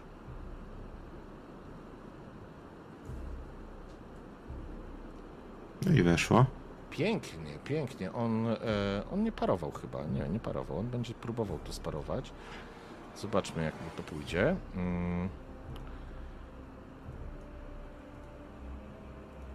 I zobaczmy. Niestety, nie udaje mu się, no ale trudno sparować dwuręczny topór na bogów. Furia. Wow, stary! Wow! Wow, to rzucę To jeszcze raz. podwójna furia. Rzu- Rzuci, no, podwójną furię rzuciłeś na obu rzutach, bo masz e, druzgoczącą. Rzuć w takim razie, słuchaj, na ten, na... Mm, na Znowu atak na jeszcze atak. jeden, tak? Trafiasz, więc e, rzucasz jeszcze raz obrażenia. Znowu Jest furia? znowu czternastka. Tak, już teraz nie rzucasz, rzucaj jeszcze raz na obrażenia. To będzie chyba rekordowy, o, rekordowe obrażenia w tej kampanii. Ja pierdzielę, stary, to jest, wiesz ile? To jest 24, 20, 38 obrażeń zadajesz tym ciosem. Ty- To znaczy, e, dobra, e, co chcesz zrobić z tym padem? Bo Wiesz on co, tego no nie na przeżyje. pewno wpadłem w szał krasnoludzki, chciałem mu ściąć dwie nogi, jeszcze topór, jak on już będzie upadał, wiesz, wbić centralnie w klatkę piersią, przybić go do tej ziemi, może trochę morale ściągnąć jeszcze. W porządku. To, co zrobił Gloimben z tym czekistą przed nim, przeszło wszelkie oczekiwania. Tak naprawdę mężczyzna absolutnie, on próbował nawet sparować, ale chyba nie wziął pod uwagę potęgi krasnoludzkiego dwuręcznego topora, bo to parowanie przełamałeś, jakby, jakby pękła zapałka, a potem to potężne ostrze zatopiło się w nim, miażdżąc, gruz, druzgocząc jego ciało, jego kości. On po prostu padł właściwie rozcięty w pół albo przer, przerąbany przez ciebie w pół. Po prostu totalna masakra, co zrobię z tym typem. I po co ci to było, psi synu, widzisz? Mężczyzna po prostu, ta krew rozlewa się w tym śniegu, który jeszcze nie jest rozgnieciony, zamieniony w błoto. Zalewają się, wylewają się tam wnętrzności po prostu i posoka. Anna, twój ruch. W końcu. To ja też z tym mieczem, i jako że mam tą nieszczęsną karę, no to też oczywiście chcę z furią, czyli plus 20 minus 10, czyli rozumiem, że Poczekaj, plus 10. masz jeszcze plus 10, ponieważ z Dorbenem walczy, więc możesz atakować Olega e, na plus 10, czyli będziesz miała w sumie plus 20. Dobra, no to atakuję go na plus 20. E, tylko, że, uwaga, chcę go tak zaatakować, że jeżeli mi się uda, to żeby stracił przytomność, a nie żeby go zabić. Nie umiesz tego zrobić, Anno Lucem. Dlaczego Jeżeli- nie umiem? No bo nie umiesz, bo do tego potrzebna jest umiejętność ogłuszenia, której ty nie masz. Jesteś panią doktor, a nie rzeźnikiem z Bagdadu. Obetnij mu nogę, damy radę. Znaczy, Dobra, no to tak, Tylko nie, no bo kurde, musimy go przesłuchać. Dobra, to ja w związku z tym y, są. Tylko pytanie, czy ja będę miała plus 20, jak zaatakuję tego gościa, który stoi przy Valerii? Tak, tak, właśnie o tym mówimy. Jedna rzecz, e, przepraszam, Dorben, No miałeś tak. coś? Bo e, bo w, nie wiem jak w drugiej, ale w czwartej edycji było tak, że możesz z intencją atakować bez zabicia przeciwnika, bez ogłuszenia. e, okej, e, tu Tak, ale też to w czwartej, nie wiem czy w tak, drugiej tutaj też jest. możesz z intencją nie atakowania, żeby go, żeby go zabić tak naprawdę, więc możemy to przyjąć, tylko że to nie jest ogłuszenie, nie? Bo w dwójce masz tą umiejkę do, do ogłuszenia. Możesz, e, jeżeli będziesz chciała przymierzyć w jakieś konkretne, e, konkretne miejsce, na przykład zranić go w nogę, żeby, żeby go spowolnić Dobra, albo no w to ja bym rękę, chciała zra- go zranić w rękę, żeby wy- wypuścił miecz, czy to, to czy to co on jeżeli będziesz celować w konkretną część, to będzie na pewno z jakiś minus 10 ci dam do tego, żebyś trafił. Czyli tylko plus 10. Tak. I pół. Jeszcze raz, chcę ze szczęścia. Okej. Chcę ze szczęścia jeszcze raz. Bez jaj, przecież zainwestowałam w ten atak. Dobrze. No. Tak Dobrze. się robi. On walczył z Dorbenem. Chyba tam. Dorben, ty go trafiłeś? E, Ja z Miszki, ja jeszcze nie, nie, nie walczyłem z nim, w sensie ja go nie atakowałem wręcz. To co, ja ci przeskoczyłem twoją rundę? Nie, jeszcze jesteśmy na pierwszej. Nie, to jest już koniec pierwszej. No, no właśnie, ale ja na samym początku strzelałem On z z Miszki. miszki strzelał i trafił za jakieś tam... Groszowe, ja wiem, wiem, wiem, No. dobrze, nie, nie wypominaj. E, Okej, dobra. E, w porządku, to on nie będzie się bronił. E, rzucaj na obrażenia. Osiem, pięknie. W porządku, wyko wy wykorzystując, że Olek tak naprawdę zajęty jest walką z, z Dorbenem, e, udało ci się go trafić i paskudnie zranić e, w prawe ramię, w jego, w jego rękę. On wrz... na tyle paskud... Czy na tyle paskudnie, że wypuścił miecz? Nie, nie wypuścił miecza. Trzyma miecz, jest, e, jest zraniony e, i, i dostał poważne wciry w tym momencie. To jest 8, to znaczy poważne. No okej. E, Okej. I to jest teraz koniec i teraz Walerii jest e, twój, ruch, twoja runda. Tak, i w momencie, kiedy tam wymienialiśmy się ciosami z tym kiezakiem, z którym walczę, rzuciłem em, okiem gdzieś do tyłu. Dorben żywcem! Żywcem! Gloim! Biegnij, pomóż Kseny! I tego gościa jeszcze raz tnę. A zdechnij! Zdechnij w końcu, żeż! Dawaj, dawaj, psu rację. I oczywiście z przycelowania. No nie, ale chcę to przerzucić. Okej.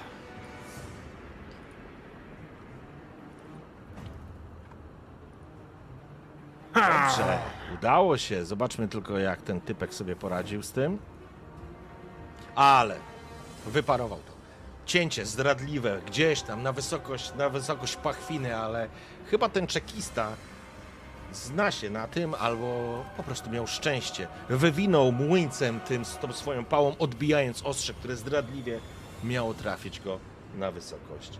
Ehm, uda.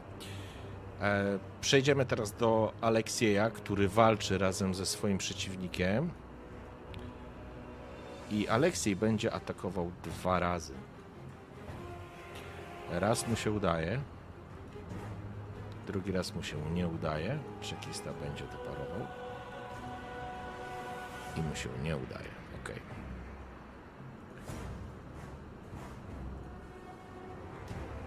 W porządku. Aleksiej, wywijając mieczem, przyjmuje na tarczę kilka uderzeń, związany walką z, ze swoim przeciwnikiem, ale błyskawiczne wyprowadzenie, pchnięcie przebija tak naprawdę przeciwnika, ale e, nie na tyle mocno, żeby go całkowicie wyeliminować e, z walki, niestety. Mm, ale skutecznie w niego uderzył. W porządku. I to był Olek, e, nie Olek, to był Aleksiej Dorben, twój ruch. E, No to co, jak to porek już mam, ja też nie, nie dążę do tego, żeby go zabić. A Nie musi być ostrzem. Może być drugą stroną, a przez łeb. A ty nie masz Nie- ogłuszenia, tak w ogóle? E, opuszczenie? Chyba nie mam. Nie masz, okej. Ja już ci mówię. Nie widzę, nie widzę, nie widzę, czego jest opuszczenie.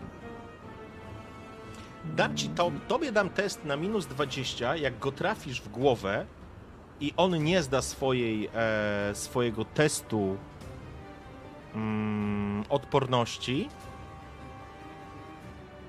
to go pozwolę ci e, powalić. Jeżeli go trafisz oczywiście. I on tego nie Jasne. sparuje, nie? Masz na minus Na minus 20? 20, tak? Mhm. Minus 20, ale plus 10 za, e, za nóżkę. Tak, a masz jakieś przycelowanie czy coś? Mam przycelowanie, mogę jak To najbardziej. masz plus 20 tak naprawdę, czyli masz, e, masz na zero rzucasz. Dobra. Ale ja szczęście wykorzystuję. Okej.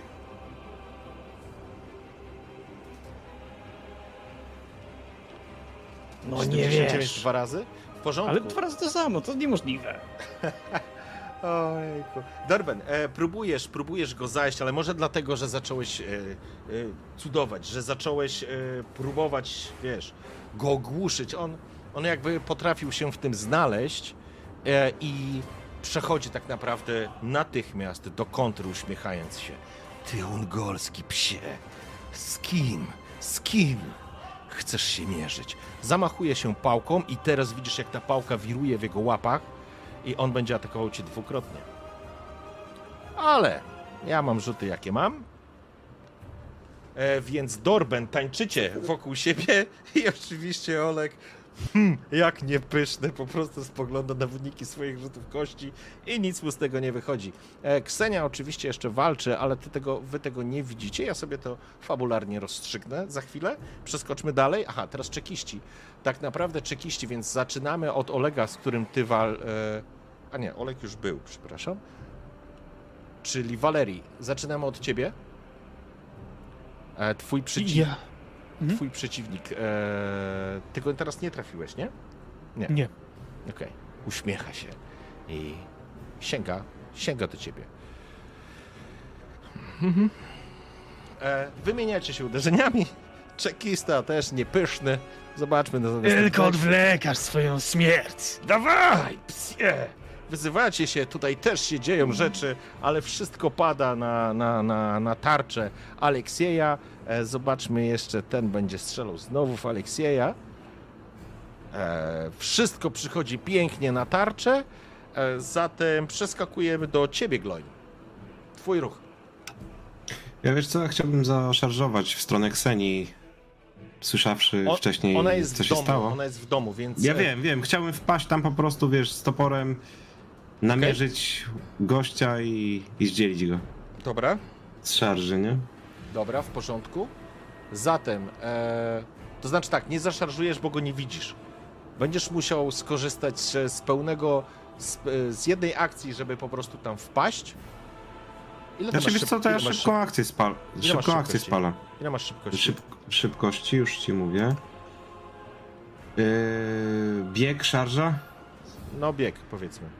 Bieg, 9. 9, w porządku. Dobra, e, będziesz miał akcję na normalny atak, jeżeli wpadniesz. Po prostu wpadasz przez drzwi, Mhm. e, Ksenia wraz z czekistą okładają się. Widać, że to czekista w tym momencie zdobył e, przewagę nad nią, ale stajesz w drzwiach, trzymając okrwawiony topór i pozwolę ci go zaatakować.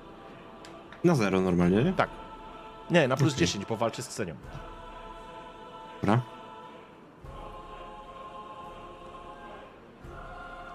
Wiesz co? Chciałbym to przerzucić. Okej. Szczęściem.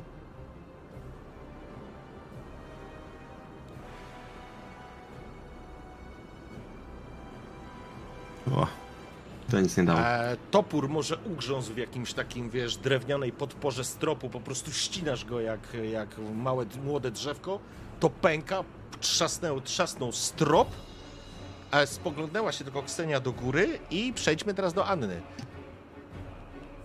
No to Anna jest wkurwiona. Przepraszam za słownictwo na Okej. kanale. Więc Ania się wkurza i wkurza się bardzo, więc takim okrzykiem a, chce znowu celować w rękę, żeby tą rękę, nie wiem, no po prostu, żeby go. Nie wiem.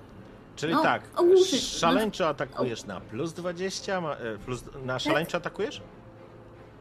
Tak, szaleńczo. Okej, czyli masz 20, 30, e, minus e, 10 to masz na plus 20. Tylko z przycelowania miałam, tak? E, to szaleńczy atak daje ci plus 20, nie możesz się bronić, ale masz plus 20, więc e, to zabiera ci Dobra. dwie akcje z atakiem. Dobra. Ho, ho! Pięknie, dawaj obrażenia. To ja mówię, nie chcę go zabić. Okej. To mówię po prostu, ja go nie chcę zabić. 8, w porządku. E, Okej. eee, Trafiasz mężczyznę.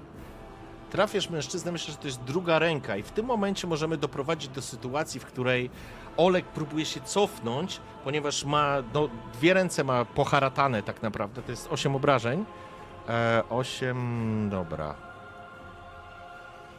8 i 8 i 8 było. Dobrze, w porządku. E, z przerażeniem spogląda się tak naprawdę, to znaczy z przerażeniem. Zaatakowałeś go po prostu y, od tyłu. Przepraszam cię, to jest to samo ramię. To jest to samo. Okej, Poprzednio czyli... było lewe i teraz też jest lewe. E, dobra, e, ale broń ma w prawym, więc nie upuści broni. U, próbuje się chwycić za nią. Widać, że mocno poharataną ma tą rękę, ale jeszcze nie pada. E, jeszcze, przy- jeszcze się utrzyma. Jeżeli dostanie jeszcze od was coś, to wtedy pozwolę wam go. Będziecie mogli na przykład próbować go też pochwycić. Jest taka możliwość. E, ale teraz Walerii, twój ruch. Tak, ja chcę w końcu, w końcu dokończyć to, co zacząłem z tym, z tym jednym psim synem. I go atakuję. Dobrze. Z przymierzenia naturalnie, bo już mi się tak opatrzyła jego gęba, że łatwiej mi trafi. Nie przejmuj się, ja od dwóch rund w ogóle nic nie trafiam, więc jestem z tobą w ogóle, nie? Jestem Też nie trafiłem. Absolutnie z tobą.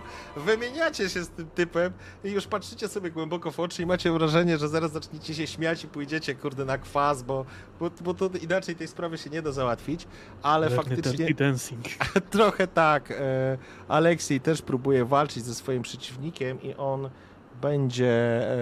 E, Okej, cudownie, dwa razy cudownie, cudownie.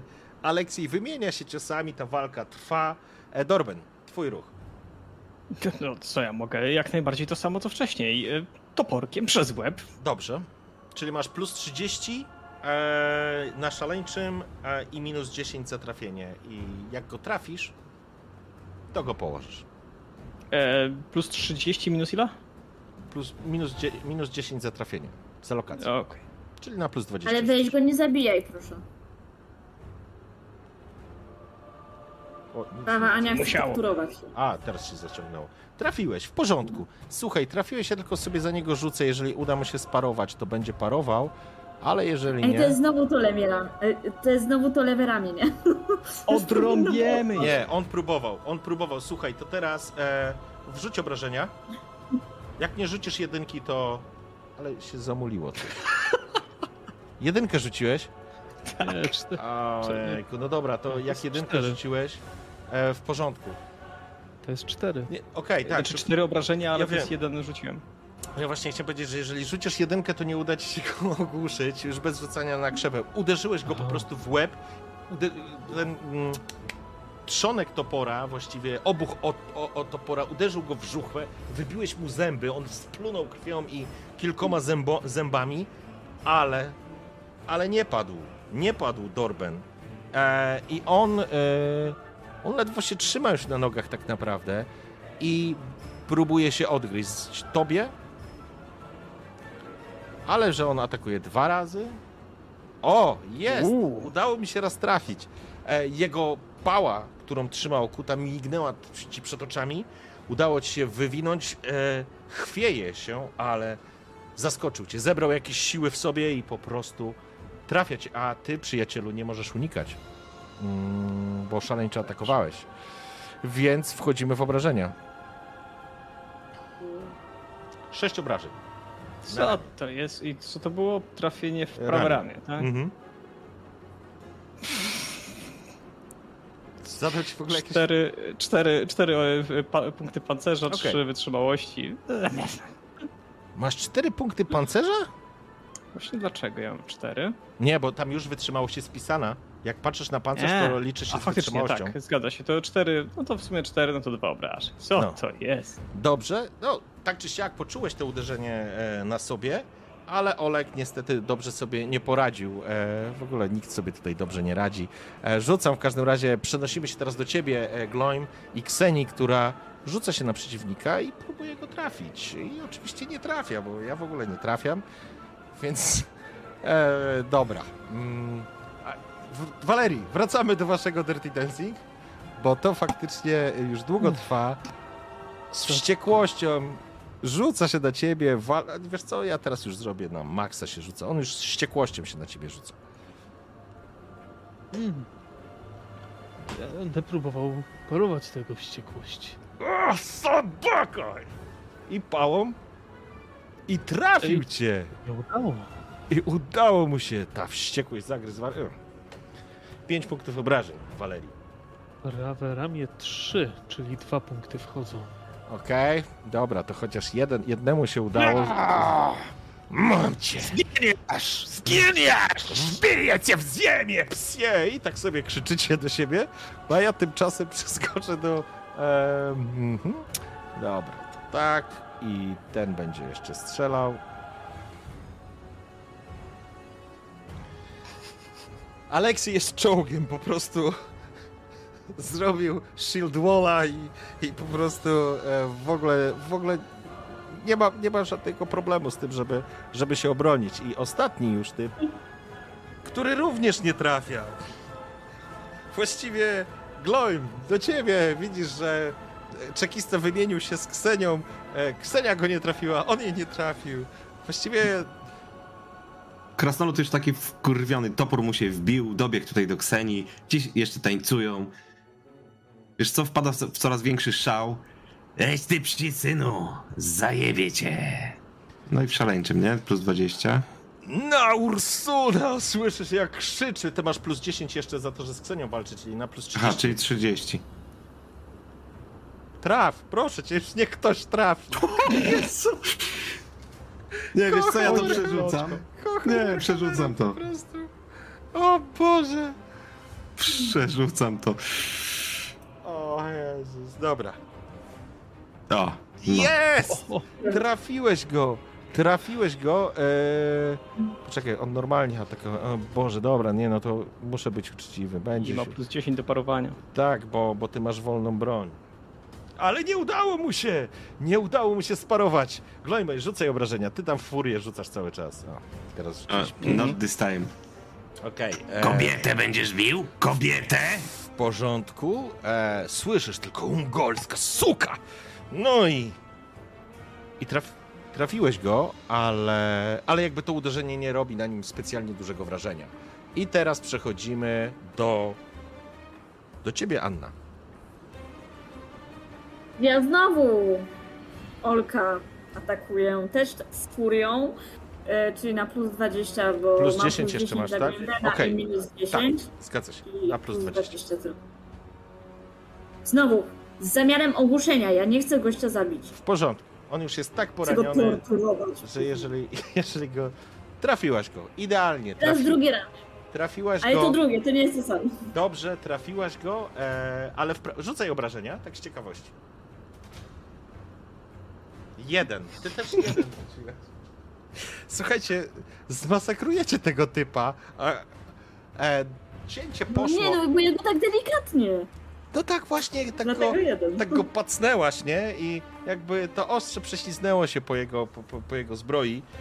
Trafiłaś go, ale niestety nie robisz mu absolutnie nic.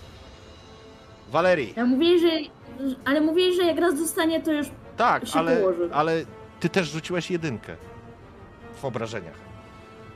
Więc rzućcie proszę coś innego niż jedynkę w obrażeniach. Walerii, e, taniec z gwiazdami, tam już sędziowie wstają, mówią, że jest 10 punktów. Nie, przepraszam, nie będę się nabijał. E, bo ja też rzucam jak e, widzicie, więc e, Walerii, wracamy do tego twojego przeciwnika. Tak, i uskoczyłem gdzieś tam od jego ciosu i dobiegam, doskakuję z przycelowania. No w końcu, psi synu, niech cię odrąbie ten pierdolony łeb do cholery! Trafiłeś! Trafiłeś, jak dobrze, że trafiłeś. Czekista rzuca się też z wściekłością. On te... A, czekaj, on nie może, bo on wtedy atakował z wściekłością, więc nie może się bronić. Więc lecisz w obrażenia. Będzie jeden. A, siedem. Siedem. I w co trafiłeś? W lewe ramię. E, Siedem. w lewe ramię, tak. Ale coś jest nie tak, bo rzuciłeś. A dobrze, 4, czyli jak to będzie liczone? Bo za 4 to jest głowa. E, nie wiem. No, nieważne, dobra. Nie wiem, a czemu tak To właściwie. chętnie trafiłbym go w głowę generalnie, nie będę się z tym Bo spierał. głowa jest między 1 a 15. Nie wiem, dlaczego on liczy na cztery. Trafię w lewe ramię. No dobra, e, ale jeżeli jest... Tak, od 1 do 15 powinno być. Ale nie, dobra, okej, on odbra- odwraca wartość. czyli to 64. niż jako 40 przy ataku. Czyli tak naprawdę masz 64, stąd jest. E, stąd jest. E, lewerami?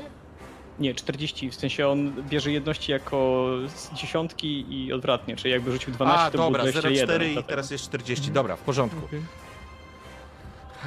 dobra, e, słuchaj, trafiłeś go e, i zostawiłeś potężną szramę. On z wściekłością tak naprawdę i możesz już z potężnym grymasem bólu łapie się, to znaczy łapie się. Może się nie łapie, ale to bardzo poważnie go e, nadgryzło. Ja mówiłem, że zdechniesz, kurwia pierdalany! Dawaj, do samego końca. Dobra, i Aleksiej, teraz Aleksiej walczy tam już z wściekłością, e, ale on będzie po prostu atakował dwa razy. I trafił. I... I nie trafił. Słuchajcie, fajnie, ja lubię tego Warhammera, ale to jest już szczyt po prostu.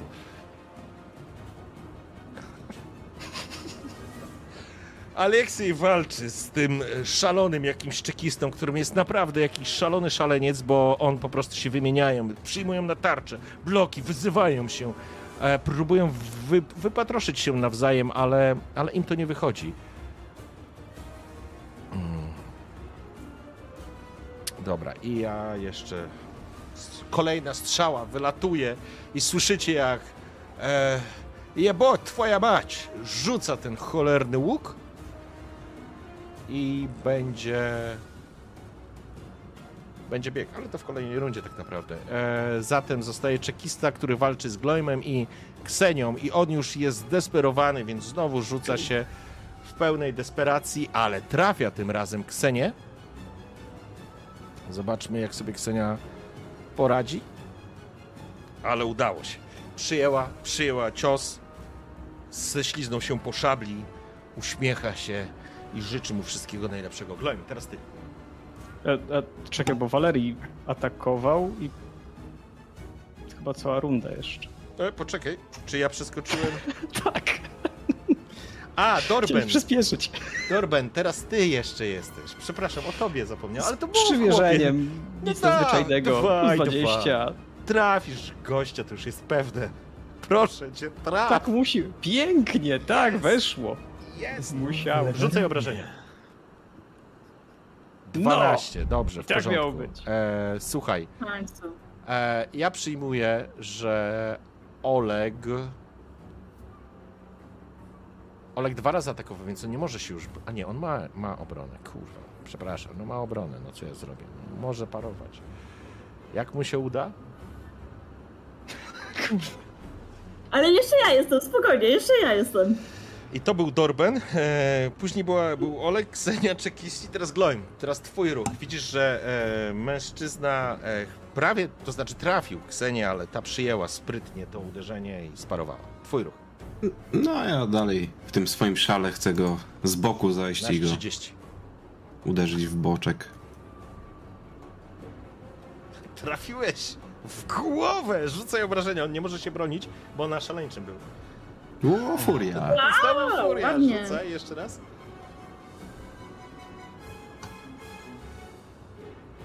Trafiasz? Jeszcze raz obrażenie?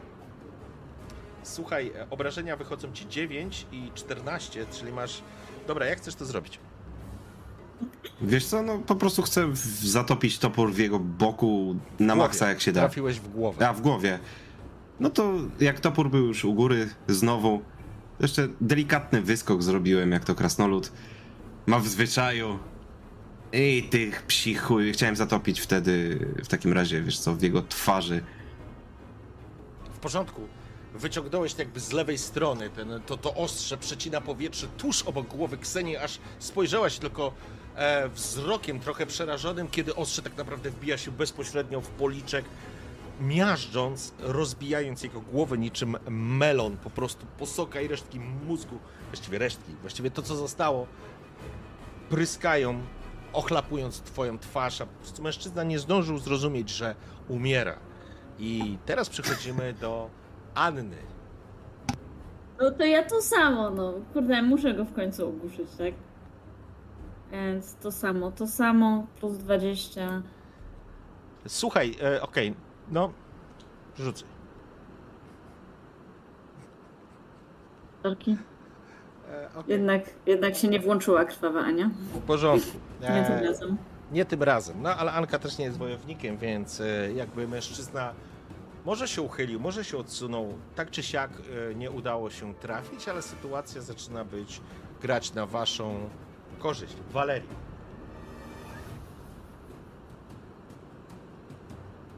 Czas na ciebie. No to będę próbował w końcu skończyć to, co zacząłem.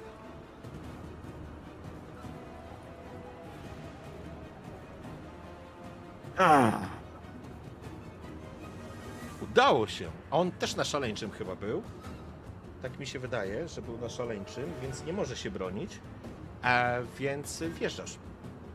Z obrażeniami. Trzy. Było blisko, Walerii. Było blisko, ale tym razem bogowie tobie nie sprzyjają. Ostrze myślę, że przeszło przez jego gardę, przez jego blok. Dosięgnąłeś go, ale zatrzymało się tak naprawdę na pancerzu. E, Aleksiej wrzeszczy już za Doraję, za Artema i rzuca się na swojego przeciwnika. Why? Facet ma dwa ataki. Na razie trafiłem raz chyba, czy dwa. Z tego raz był sparowany. Oczywiście dalej go wyzywa. Dorben, twój ruch. No to toporkiem. Lecz już. Ile można znać? Przymierzony. Dobrze. No to jedziemy dalej. Okej. Oleg uniknął, e, Oleg uniknął tego uderzenia, z wściekłością spogląda się na ciebie. Wytłukę z ciebie życie. I atakuje. I trafia. Ty byłeś na szaleńczym? Oj, sorry, nie to. E, nie, ja byłem na e, przycelowaniu, Okej. czyli parowanie. E, tu też liczę modyfikator od e, Anki, tak? Eee, poczekaj. Przy parowaniu Przewaga liczeb naczynia. dam ci ten notyfikator. Nie jestem pewien, ale przyjmijmy, że masz. Cia, To, to było W proste. porządku. Super. Ale on Drugi. będzie wybijał z ciebie życie tą pałą. Niestety tym razem mu się nie udaje. E, Ksenia. Ksenia wypada tak naprawdę i w, y, spogląda się tylko na ciebie, e, krasnoludzie. Taka jest z jednej strony przerażona, przerażona, jakby zaskoczona efektem tej walki. Uśmiecha się tylko, obraca się i wybiega tak naprawdę z powrotem na, na ulicę. I będzie szarżować na tego typa, z którym walczy, e, walczy Aleksiej.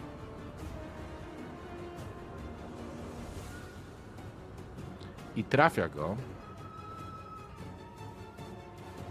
I mocno go trafia. Słyszysz jak wrzask za, za nią się po prostu ciągnie, słyszycie jak ona krzyczy Kurtaja! Za Kurtaję! I... I tak naprawdę nadziewa tego, tego e, czekistę na miecz, składając dwie ręce na rękojeści i przybija go właściwie do ściany. On, on może nie to, że wisi, nie ma na tyle siły, ale po prostu jest przyszpilony jak motyl do ściany, a krew zaczyna spływać jego oczy. Próbuje jeszcze coś bluźnić, coś powiedzieć, ale, ale nie jest w stanie. I to jest moment, w którym ty nie dobiłeś tego czekisty, z którym walczyłeś Walerii, nie? Nie, nie udało mi się. Okej. jeszcze. Więc on e, w szaleńczym ataku będzie ciebie atakował. Ramosi. E, I. Czekaj, bo mi się tu pogubiły. Dobra. I to jest jego jeden z ostatnich już ataków, ale trafia. No to paruje. Mhm. Zdecydowanie. Zdecydowanie paruje. Pożre twoją Oczywiście. wątrobę, słyszysz jak wrzeszczy ci i nie udało się. I na dziewięć. W co tam w W korpus? korpus. Korpus, na korpusie mam 4, czyli 5 obrażeń. Jak stoisz z żywotnością?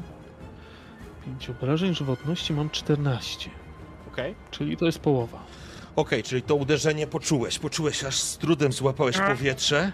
Eee, drugi mężczyzna, który przed chwilą jeszcze chciał szarżować na Aleksieja i rzucił ten łuk, w sytuacji, kiedy Ksenia dobiegła i przyszpiliła jego towarzysza, on zaczyna uciekać.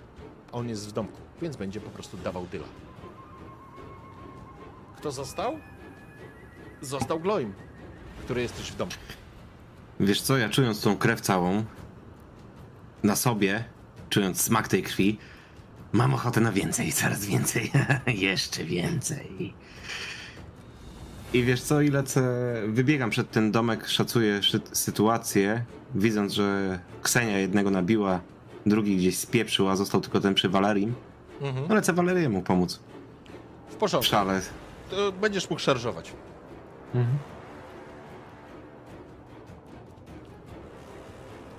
Czyli tylko 10 za szarżę, tak? E, plus 10, tak. A, i plus 20, bo z Valerim walczy. To masz na 20. Dobra. I trafiasz. On Ojej. nie jest w stanie się bronić, e, więc e, rzucaj na obrażenie. 11. 11, a ten przeciwnik e, ledwo stał z tego co pamiętam. Tak, on zdecydowanie ledwo stał, więc szarżując, widzisz tylko Walerii kątem oka, jak pomarańczowy czub prze, przebiega obok ciebie i perełka zakreśla potężny po prostu łuk i tak wbija się na wysokość, em, na wysokość ramienia, tak naprawdę odrąbując mu to ramię. Mężczyzna łapie się za nie, widzisz, że wrzeszczy, ta krew tak zaczyna tryskać i po prostu... I jak to, jak to widzę, y, tak patrzę na Gloimbana, no gdzie ja mi tu? Prawym go zajebał! A ty, a ty co? A ty co? I do niego, a, a mówiłem, że zdechniesz! I kurwa, trzeba było się pospieszyć, cholera jasna! A ja w międzyczasie, gdzie mi pięknisia chciałeś zarżnąć? Gdzie? Ja tylko mogę mu dowalać. Popatrz, lepiej ten jeden spierdala, zanim trzeba było Nie, gnać, wiecie- cholera jasna! Tego nie widzicie? Tego nie widzicie, że spierdala? Bo ono jest w środku w domku. Więc Okej. efekt jest taki. Mężczyzna tak naprawdę osuwa się. Pozostaje. Na polu bitwy zostaje. Tak naprawdę zostaje tylko Oleg, który ledwo żyje. I ja sobie sprawdzę Olega. Mm. Już, już, już. Eee...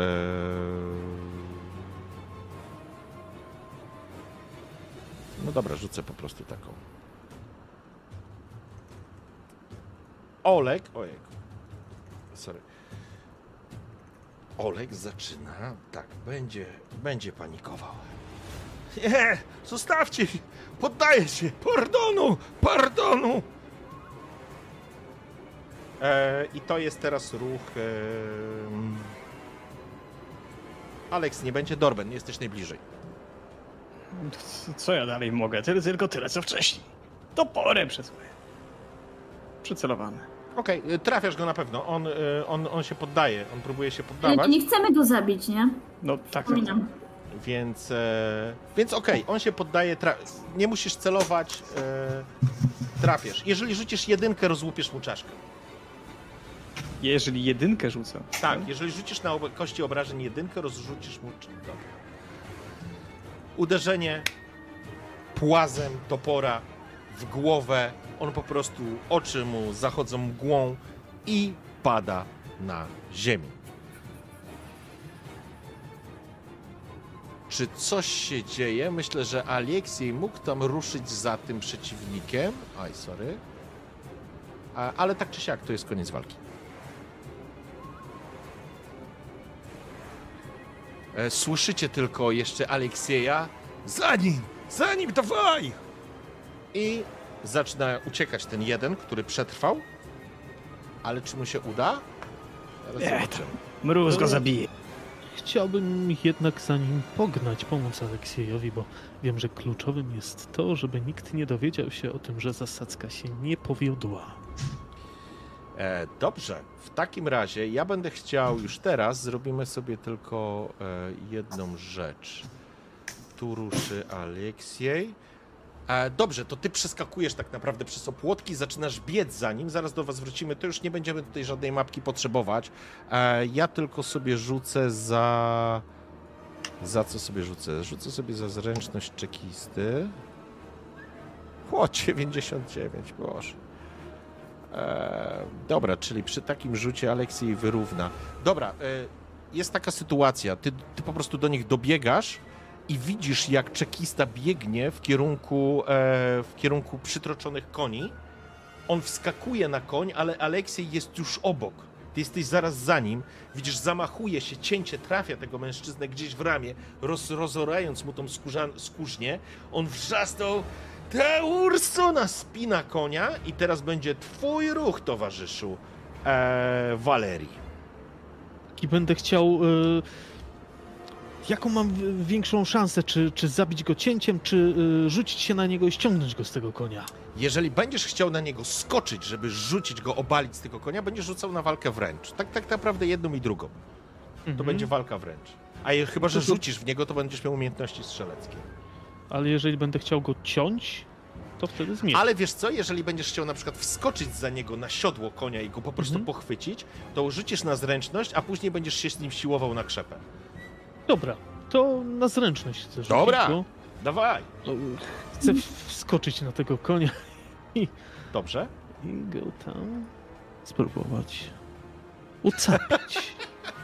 97. Ale, ale ja nie, nie, ja to ze szczęścia. Przerzucisz to? Mm, tak. Dobra. Tak! Jest w porządku, wskakujesz tak naprawdę, robisz kilka wielkich susów, prześlizgujesz się jak cień i wybijasz się. Mężczyzna spinia konia, koń próbuje się poderwać do galopu, ale ty wskakujesz miękko za siodło na nim, nazad, utrzymując się i teraz chwytasz go tak naprawdę w objęcia i nie będziemy już tego testować, ponieważ ty tu jesteś i go przytrzymujesz, ten koń, e, myślę, że nawet ten koń, który teraz wstanie dęba, on was zrzuci tak naprawdę z tego siodła. Jest obok ciebie Aleksiej, ty go trzymasz kurczowo e, i Aleksiej podchodzi i tu już w tym momencie, w tej sytuacji, kiedy on jest bezbronny, po prostu sztylet podrzyna mu gardła, ciepła posoka po prostu rozlewa się po, po, twoim, e, po twoich ramionach. W końcu, Nieźle, konie. nieźle, Walerii, nieźle. Byłby uciekł, byłby uciekł. Nie możemy do tego dopuścić. Spętajmy konie. Weźmy je ze sobą. Tak, faktycznie jest tutaj tych koni 5, 6, tak? 6 było? 6, więc 6 tych koni jest. I udaje się. E, one są przypięte, tak to znaczy są na postronkach, ukryte były za, za, mm, za budynkiem, tak żeby nie było ich widać. Więc e, tylko jeden został. Tylko jeden został odwiązany przez tego nieszczęśliwego człowieka, którego dopadliście. Wracam teraz e, do, do Anny, do Gloimbena i Dorbena. Przepraszam. Jej, w końcu. Czy możemy przerwę zrobić? Tak, właśnie, musimy zrobić przerwę, to prawda. E, pięć minut przerwy, słuchajcie, higienicznej, wracamy po przerwie. E, dobra, e, jesteśmy, słuchajcie, wracamy po, po krótkiej chwili. E, przy okazji dajcie znać, czy coś lepiej słychać, czy dalej jestem za cicho, nie wiem o co chodzi totalnie, więc, więc po prostu dajcie znać. Czy może teraz już za głośno. Wiki, weź troszeczkę kamerkę w dół. Trochę, żeby... Mhm. Okej, dobra, super. E, lepiej, kurczę, to faktycznie może tutaj trzeba było, no może tak, kurde, dobra. Dobra, e, powinno być w takim razie lepiej. E, słuchajcie, wracamy zatem do Kurtai. Po krótkiej chwili euforii wynikającej ze zwycięstwa i tego, że, że, że udało się, e, że udało się pokonać przeciwników, Oczywiście macie Olega, który jest nieprzytomny, poraniony i nieprzytomny, ale faktycznie widzicie po prostu wiszących swoich przyjaciół, których wiatr kołysze w jedną i w drugą stronę. Wyglądają jakby spali, ale widać teraz, że ich twarze, zwłaszcza Artema, jest mocno pobita. Daraja również nie wygląda jak królewna Śnieżka. Ci czekiści maltretowali tych ludzi. I teraz wracam do Anny, Gloimbena i Dorbena, bo wy jesteście najbliżej leżącego Olega.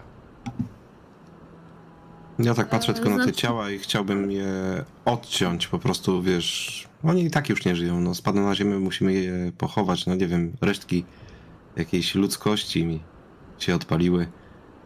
Ale cały czas, wiesz, dygocząc po, po walce, będąc w tej euforii walki, Okej. odcinać. Nie. E, tak, a, a ja się z- chciałabym zająć tym, co umiem najlepiej i po co mnie drużyna trzyma, czyli zaleczenie ran. W, Po prostu, porządku, no, w porządku, tylko że to, to też musisz mieć chwilę, bo jakby, chyba, że tak, nie, Dorben jakby bez problemu jest najbliżej, Gloimben poszedł, faktycznie ścina. Widzicie jak e, nie ma Waleriego i nie ma Aleksieja, ale również Ksenia idzie po prostu i, i też odcina po prostu te zwłoki. E, Ja z kolei, skoro stoją kolega, to chciałbym go wziąć jakiś rzemień, kawałek liny, spętać Mhm. i niech będzie gdzieś tam oparty o ścianę. W porządku? Czujecie teraz, kiedy ta adrenalina powoli z was schodzi, że no, czujecie chłód, który ciągnie.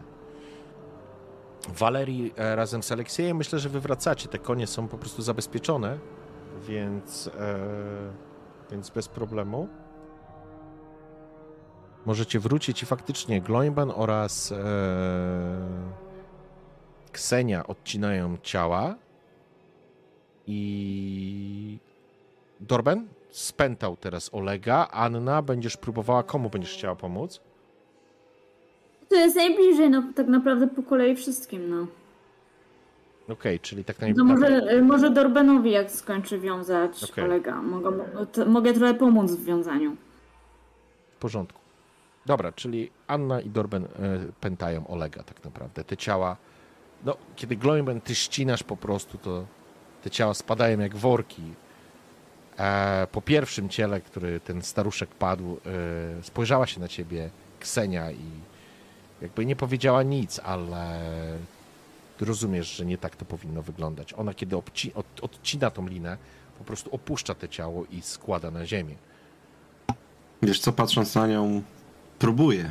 Mhm. Staram się bardzo Okej? odcinać w podobny sposób, żeby, wiesz, Okej, bardziej nie właczać ich porządku. czci.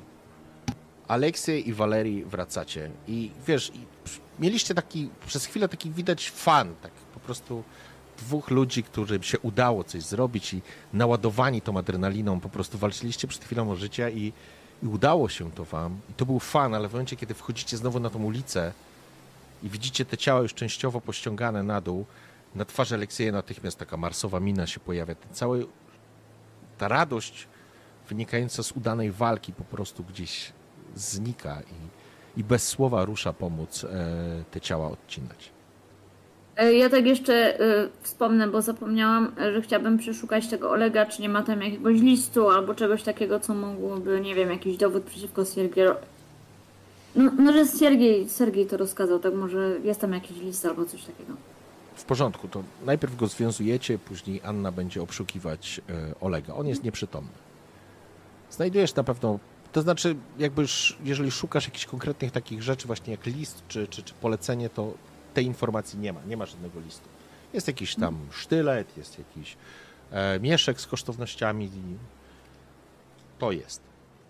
Ale listu jako takiego nie znajdujecie w tym Nie, no właśnie y, cokolwiek jakiś dowód na to, że to był rozkaz Siergieja, a nie, że y, Siergiej powie, że to my zaatakowaliśmy i jeszcze zabiliśmy czekistów, nie? Żadnego listu i rozkazu nie znajdujesz przy Olegu. Dobra. Ciała składacie, z, z, już, że tak powiem, zostały złożone na dół. I jeszcze przed mm, powrotem tego jednego, który e, zginął tam, jak go pojmaliśmy, zanim odeszliśmy, wyłupiłem mu oczy i obszukałem i całą resztę tych, em, tych czarnych e, również będę chciał właśnie po kolei przeszukać, naturalnie okraść i wyłupić im oczy. Jedno oczko, skurwysyjano, drugie oczko, a już nic nie zobaczysz. I następnego. Mhm. Lepiej po prostu spalić? Drewno jest dosyć trudnym z, mm, zasobem tutaj, więc jakby nie robi się stosów wyrzuca się poza stranę i tak naprawdę wyłupia się te oczy po to, żeby trupy jak wstaną nie potrafiły wrócić do tego miejsca. Stąd są bezokie. E, niemniej jednak, e, Walerii, w porządku. Przyjmijmy, że przeszukałeś i masz przy sobie pięć mieszków, e, więc rzuć sobie kasto.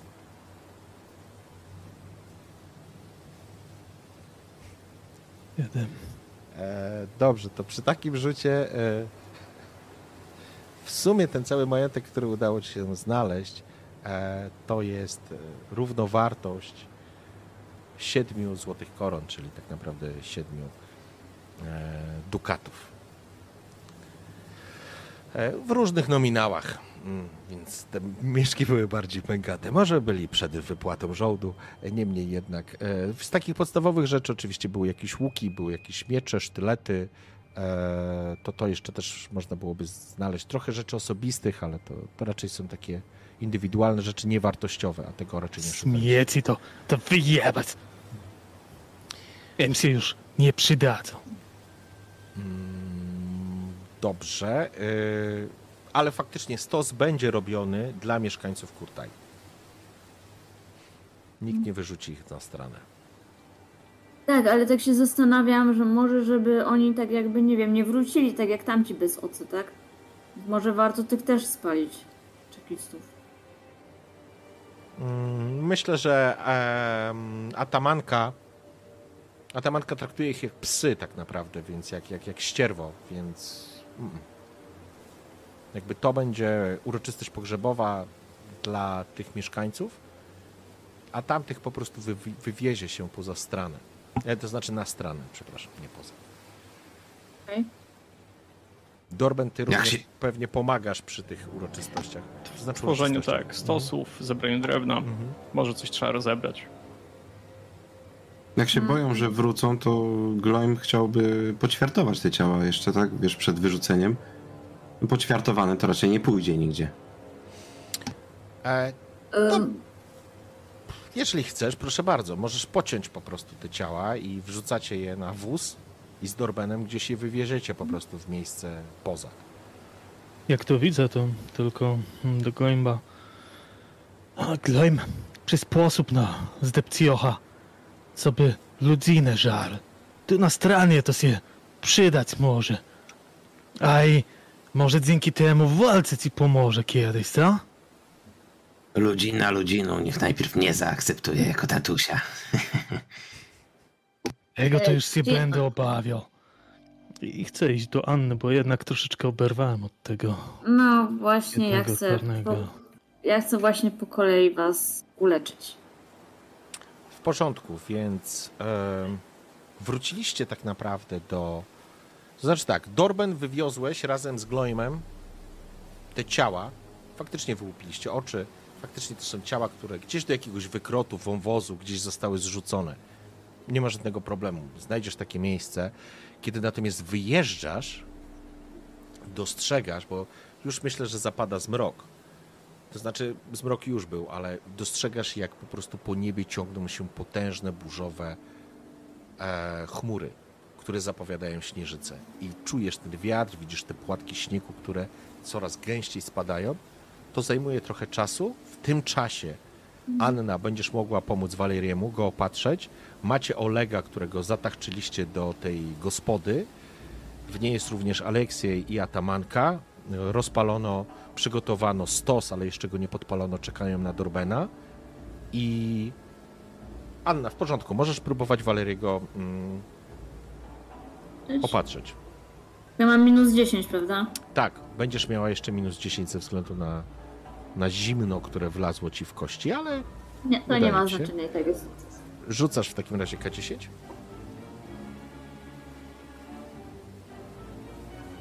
A, 10, cudownie. W porządku. Walerii, dostałeś jakieś zioła, może coś do przegryzienia.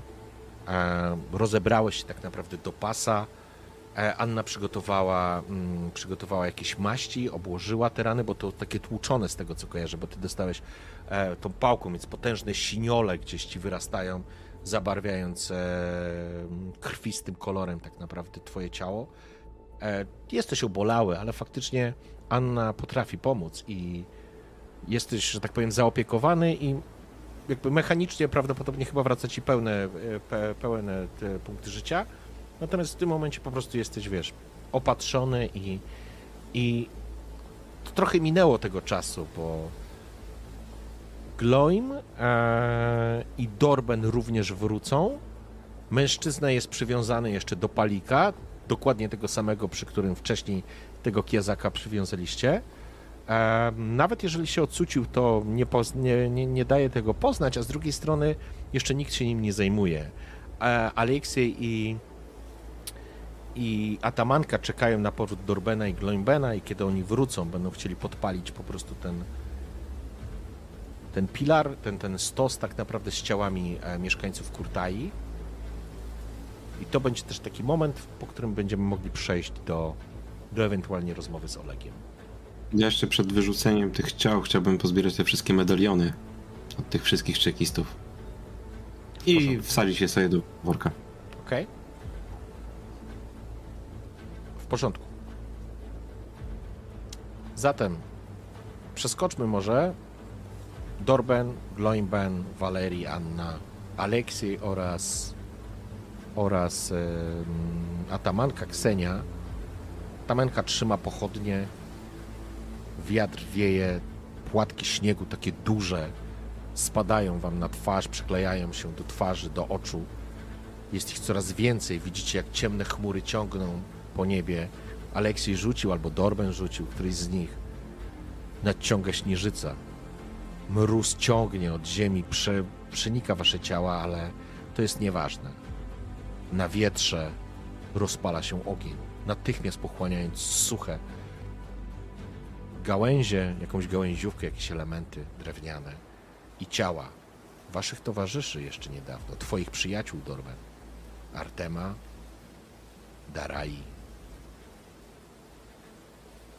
tych dwóch husarzy, tego starszego typa, Kurtaja. W tym momencie to wy, Dorben. Atamanka spogląda się w płonący stos bez słowa. Czy to koniec, Kurtai Dorben? Czy jestem atamanką niczego? Już koniec? Nie, taki koniec być nie może.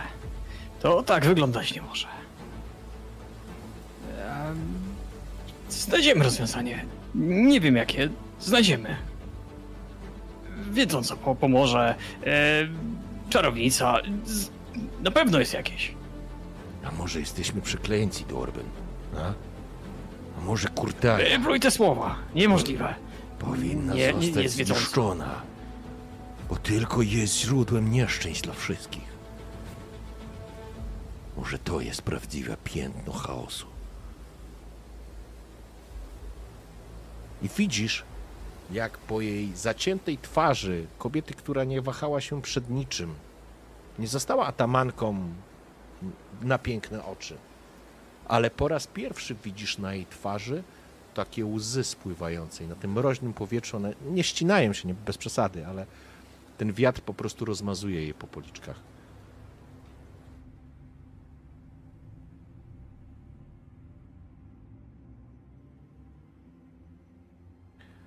Ursun zapomniał o nas, Dorben. Czym żeśmy zawinili? A? Ogień huczy, pożerając te ciała.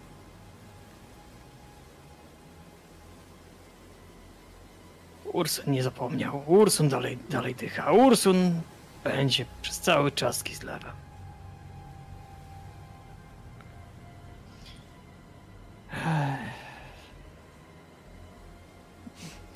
Nie wiem, co możemy zrobić. Co z tą czarownicą?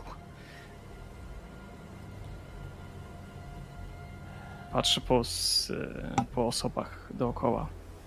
Zaczyna być już coraz bardziej Zastanawiam, zimno że- i mroźno, nie? Znaczy, wiesz co, ja w tym momencie, jak już ten stos się pali i zaczynają się rozmowy, chciałbym iść po tego dowódcę tego, tych yy, czekistów złapać go po prostu z- za kark, przyciągnąć pod ten ogień. No, On jest, słuchaj, bądźmy- on jest przywiązany do tego słupa, więc jakby wy też nie będziecie siedzieć na mrozie, bo idzie Mhm. śnieżyca. Wiecie, że temperatura drastycznie spadnie, będzie bardzo mroźno, więc musicie wejść do środka, tak czy siak. Jakby ta część jakby wybrzmiała. Ksenia musiała z siebie pewien ciężar zrzucić. Jest kislewską kobietą, więc ona już opłakała ich. Ona nie płacze za tymi ludźmi, którzy zginęli, bo oni już zostali opłakani wedle kislewskiej tradycji. Mieliście okazję widzieć e, tak naprawdę pogrzeb, który był. em, który, byliście świadkiem pogrzebu w Miłkawali, Wale, ale nie zmienia to faktu, że coś, coś się zmieniło. Jakby w jej punkt, z punktu widzenia coś się zmieniło i jakby przyjmijmy, że po prostu wrócicie. To znaczy ona z Aleksiejem wraca, Aleksiej kładzie jej rękę na ramieniu, jakby chciał ją pocieszyć. To nie jest taki, to nie jest gest partnera, takiego, z którym by żyłaby, ale po prostu człowieka, który, który będzie przy niej. Wchodzicie. Y, ja on- mam- Okej, ja tylko powiem, oni będą wchodzić do, do, do, do środka, do karczmy. Anna? No ja Ja mam takie pytanie, czy ja mogę e, uleczyć resztę? W sensie, no, chciałabym patrzeć rany i tak dalej. Ania, jeżeli tylko będziecie mieli sposobność, jak najbardziej, bo jakby oni wrócili po wyrzuceniu tych ciał, więc teraz będziecie prawdopodobnie wracać do tej karczmy, w której jest e, Oleg. Dobrze, i czy tam możemy rozpalić ogień, bo ja się muszę ogrzać, bo ja naprawdę szczękam zębami. Tam e, pali się na pewno kominek, więc, więc będziecie mogli się ogrzeć. Jeżeli przesiedzicie tu parę godzin, e, rozgrzejesz ten mróz. Wchodzicie do środka. Walerii, jeszcze co ty byś, czy ty coś chciałbyś jeszcze zadeklarować? Ja też chcę wejść ze wszystkimi do środka, tylko na wstępie, na wstępie jak wchodzimy, mm, podchodzę bliżej do Kseni. Atamanko, ten tam, przy nim, rozmawiać nie możemy. Cholera wie, co się jeszcze stanie. A nie chciałbym, żeby cokolwiek słyszał. On będzie nam potrzebny, jak czarownica przyjedzie, jako świadek. A wydobędziemy z niego informacje w ten czy inny sposób. To raz, dwa. On nie przeżyje, Walerii. Ja rozumiem, ale nawet z twoją pozycją, słowo przeciw słowu, to raz. A ze świadkiem, nasza pozycja troszkę lepsza. Myślisz, że będzie świadczył przeciwko Siergijowi? Żelaznemu kapitanowi? Nie, Nie tu. ten uwierz, że będzie. Nie będzie. Uwierz, że będzie. Nie będzie. To czekiści. Widzieliście, co zrobili z naszymi. Widzieliście twarz Artema.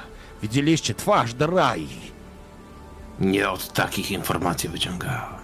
Ja w tym momencie przesuwam się hmm, twarzą bardzo blisko Kseni, łapię ją za ramiona. To nie czas na złość. Musimy ją opanować. A ja z pomocą tego tu nie ludzie zajmiemy się nim. Tak, że będzie rozmawiał. Rozumiesz? Niech mówi. Ona siada przy stole. Aleksiej skądś przynosi butelkę kwasu. Jeżeli Anna chciałabyś, że tak powiem, zająć się Walerii, bo to Walerii chyba naj, najgorzej wygląda. Dorben, Gloinben, jak Ale już się zajęłam Walerią. Już mną zajęła A, i przepraszam. kompletnie na Dostałam. zero. Przepraszam, faktycznie, sorry. Y, Dorben i Gloinben? No ja o dziwo jestem na zero. Okej, Ten Obrażeń. nie jest jeszcze, mm, ale nie dużo, dwa. okej. Anno, Czyli Anna będziesz Zeni, mogła opatrzyć pomóż proszę. Dobrze, to ja chciałabym opatrzyć Ksenię y, i w momencie jak ją opatruję, to chciałabym y, zwrócić uwagę na jedną rzecz. Mianowicie, Ksenio, jeżeli tutaj była na nas zasadzka, to czy oni nie uprzedzili lodowej czarownicy, żeby tu nie przyjeżdżała?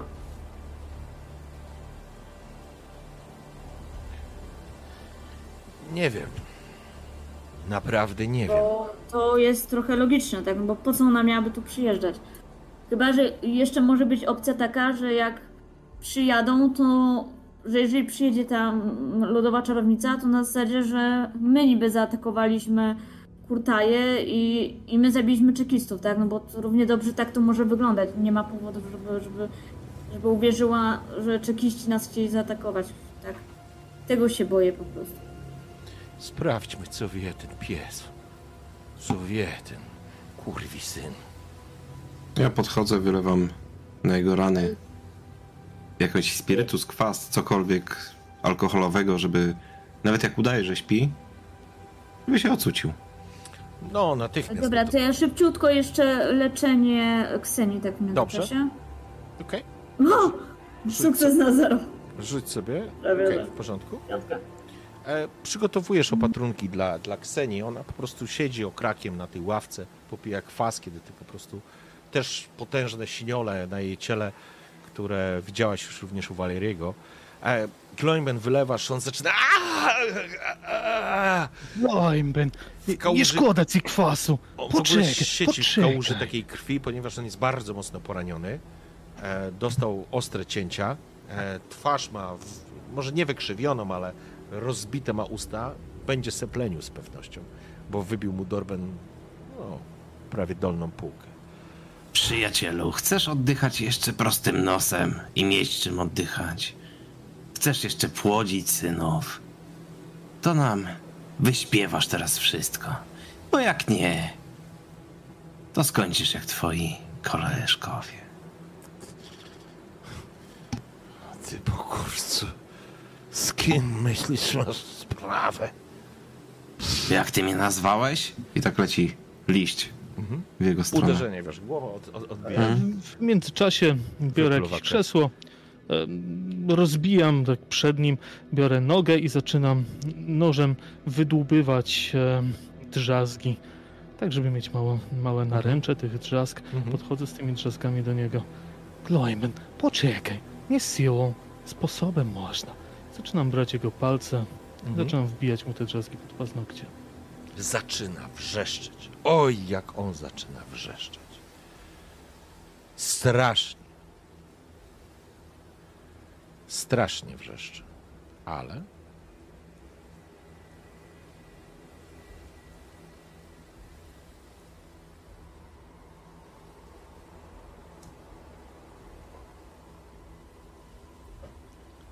wrzeszczy z bólu. Anna, chciałbym, żebyś sobie rzuciła siłę woli. Opanowanie, w, taki, w, w tym sensie opanowanie. E, E, Dobrze, czy ja znowu mam minus 10, czy już się rozgrzałam? mm, nie, masz jeszcze minus 10. O, pięknie. Myślę, że towarzystwo tych typów uodporniło cię na wiele rzeczy. Nawet na to, jak Valerie wbija drzazgi pod paznokcie, a ten mężczyzna aż wrzeszczy.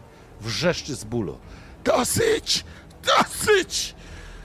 Zacznij gadać, świnio! I tak mnie zabijecie.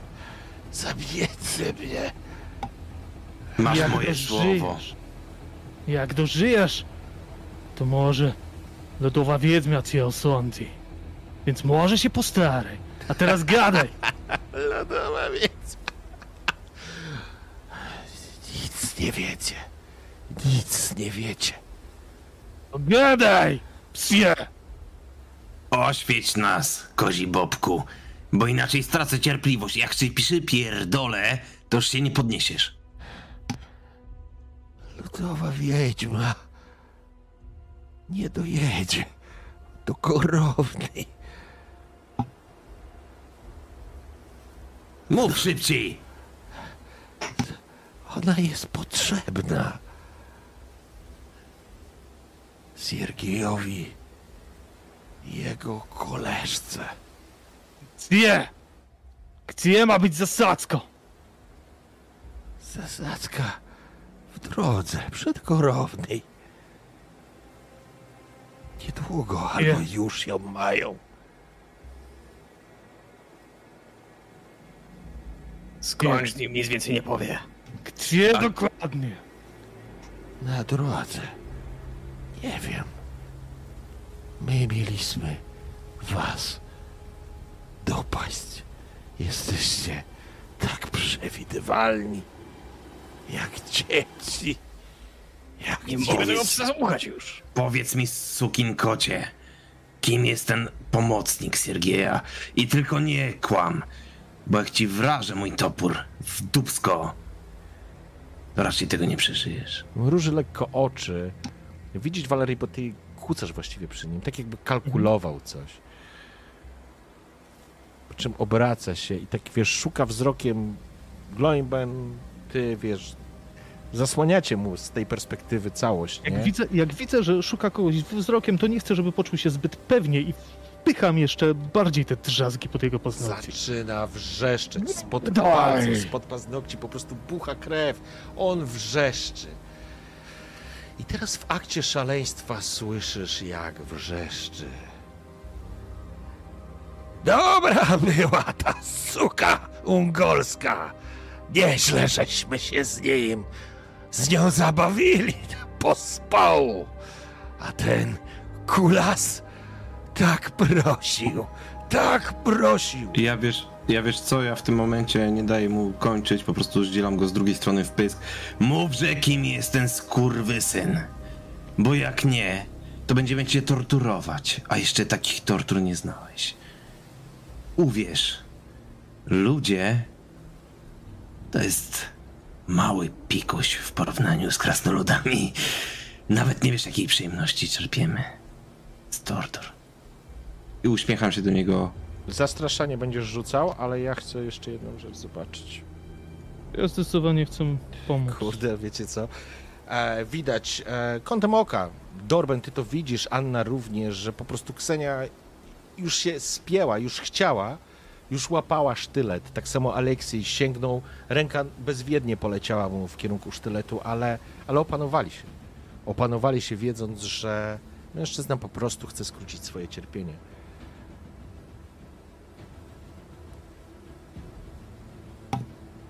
Na zaroczy z pomocą Waleriego. Słuchaj, wiesz co? E, rzuć sobie na plus 20.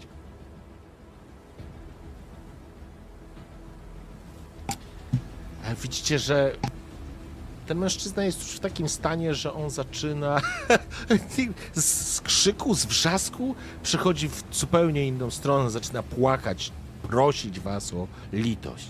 Litości! Litości! Ja tylko wykonywałem rozkazy. Ja tylko Nie wykonywałem masz rozkazy. wielkie małe pachole. Gadaj! Mów nam wszystko, co chcemy wiedzieć, bo inaczej. Oj, jeszcze tu pocierpisz, a jeszcze cierpienia nie zaznałeś. Uwierz. Nie wiem, kim jest ten człowiek. Ja nie wiem. Nie wiem, zjawił się i słucha go. Żelazny kapitan go słucha. Dzięki niemu wiele wiedział, ale to zły człowiek. Zły człowiek. Zły, zły, tak bardzo zły, że to, co mi robicie, jest niczym, co mógłby on zrobić z nami. Oni coś szykują, oni coś szykują. Na moje, na moje to chaos. To ktoś z chaosu. Oni coś szykują i po to im jest potrzebna czarownica. A my mieliśmy zadbać o to, że po was nikt już nic nigdy nie zapłacze. Ilu? Ilu w zasadzce oddział ma brać? Nie wiem, ale to nie nasi. To dzikusy od. od tego. doradcy.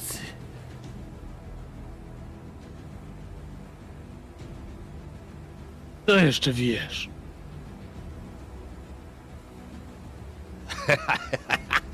że i tak już nie żyje.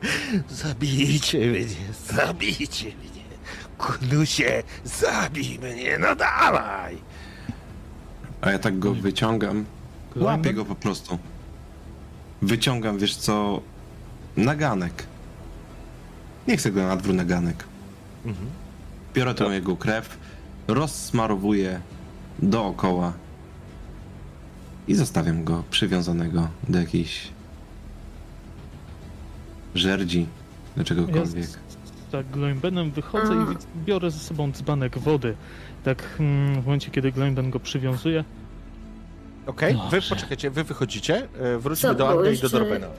No, Jeszcze ja tak na sekundkę chciałam. y, Ja wychodzę tak jakby zanim chłopaki wyjdą, ja po prostu chciałam mm, przebić mieczem tego, tego gościa, no bo wiem, że już więcej nam nie powie. Tylko tak jakby ja to chcę zrobić bez emocji, nie? Z, totalnie z zimną krwią na zasadzie. Ja będę próbował złapać ten miecz. to znaczy Też tak, nie będę- teraz nie będę- oni będę tego nad tym ciałem, to znaczy nad ciałem, nad typem. Więc jakby, no, nie uda ci się przejść tak, żeby oni, wiesz, no, Tak, ale w momencie jak oni go podniosą i będą chcieli z nim wychodzić, ja po prostu okej. w odchodzę porządku. i chcę go. No w No, porządku. nie? E... Okej, ale to, to po prostu widać. Zarówno Gloimen, jak i Valerii będą widzieć po prostu, kiedy go wyciągają, wyszarpują. Będą Tak. widzieć, jak ty po prostu podchodzisz, no bo to jest otwarte pomieszczenie. Wstałaś od stołu, masz w Mhm. rękach miecz i idziesz w kierunku e, tej dwójki. Jeżeli to zauważam, to, to mm, zwracam się do Anny. Nie dasz mu tego, czego on chce. Nie. On więcej i tak nam nie powie, a nie ma sensu się nad nim znęcać. Ja tak tylko się odwracam już z nerwem tym e, jeszcze po bitwie z tą całą adrenaliną. Śmierć kurwa to jest łaska. Nie dla takiego śmiecia jak on. Nie dla niego. I tu się z nieludziem zgadzam. Śmierć czy nie musimy jechać pomóc lodowej czarownicy? Teraz musimy jechać, nie mamy czasu na wasze zabawy. On i Zgadzam tak się, z, najwięcej. zgadzam się z tobą, ale nie dlatego kurwia. On ma tutaj strzeznąć. Mają go dzikie bestie rozszarpać. Ma mieć w zasięgu wzroku wodę i płomień ogniska, ale kurwa nie litość. Opatrz proszę, atamankę. Opatrz Ja żonę Torbena patrzyłam. i zbierajmy się. Tam są konie. My zajmiemy jedźmy. się nim. W porządku. Kiedy wychodzicie na zewnątrz, wiatr już wie bardzo ostro. Kłębiące się takie już, mm, tak jakby chmury tego śniegu, takie kłęby tego śniegu przewalają się przez kurtaje. Ogień, który trawił ten em, stos, tak naprawdę niemalże pożarł całe to, całe to drewno przy takim wietrze. Czujecie ten wiatr, czujecie ten śnieg, czujecie ten mróz, wychodzicie na zewnątrz i co będziecie robić z tym typem? Wiesz co, przywiązać go na wiatrołapie chciałem i... Walerii pewnie chciał go oblać wodą, a chciałem rozsmarować krew dookoła, żeby wiesz, jak są jakieś wilki, cokolwiek, opuszczona oblać. miejscowość. Oblać wodą to się zgadza, ale Walerii jeszcze najpierw rozcina mu guziki koszuli, oblewam go wodą od stóp do głów i w momencie, kiedy już mamy odchodzić i on gdzieś tam jest przywiązany właśnie, polany tą wodą, teraz, skurwysynu, zrobimy to, co z trupami i powoli, metodycznie, sztyletem wydłubuję mu oczy. Kurde, w porządku. E, słyszycie okropny wrzask, który donosi się i niesie się z wiatrem, z wichrem. Dorben, co ty będziesz robił? Dorben nie do końca jest przekonany do tej całej sytuacji, dlatego on raczej trzyma się z tyłu. Albo jest jeszcze w karczmie, albo po Tak, prostu gdzieś tam w drzwiach na zasadzie maksymalnie. Nie? nie, po prostu jemu ulgę sprawiło to, że już się zamknął, że już nie, nie mówi. E, raczej to jest dla niego ważne. Okej.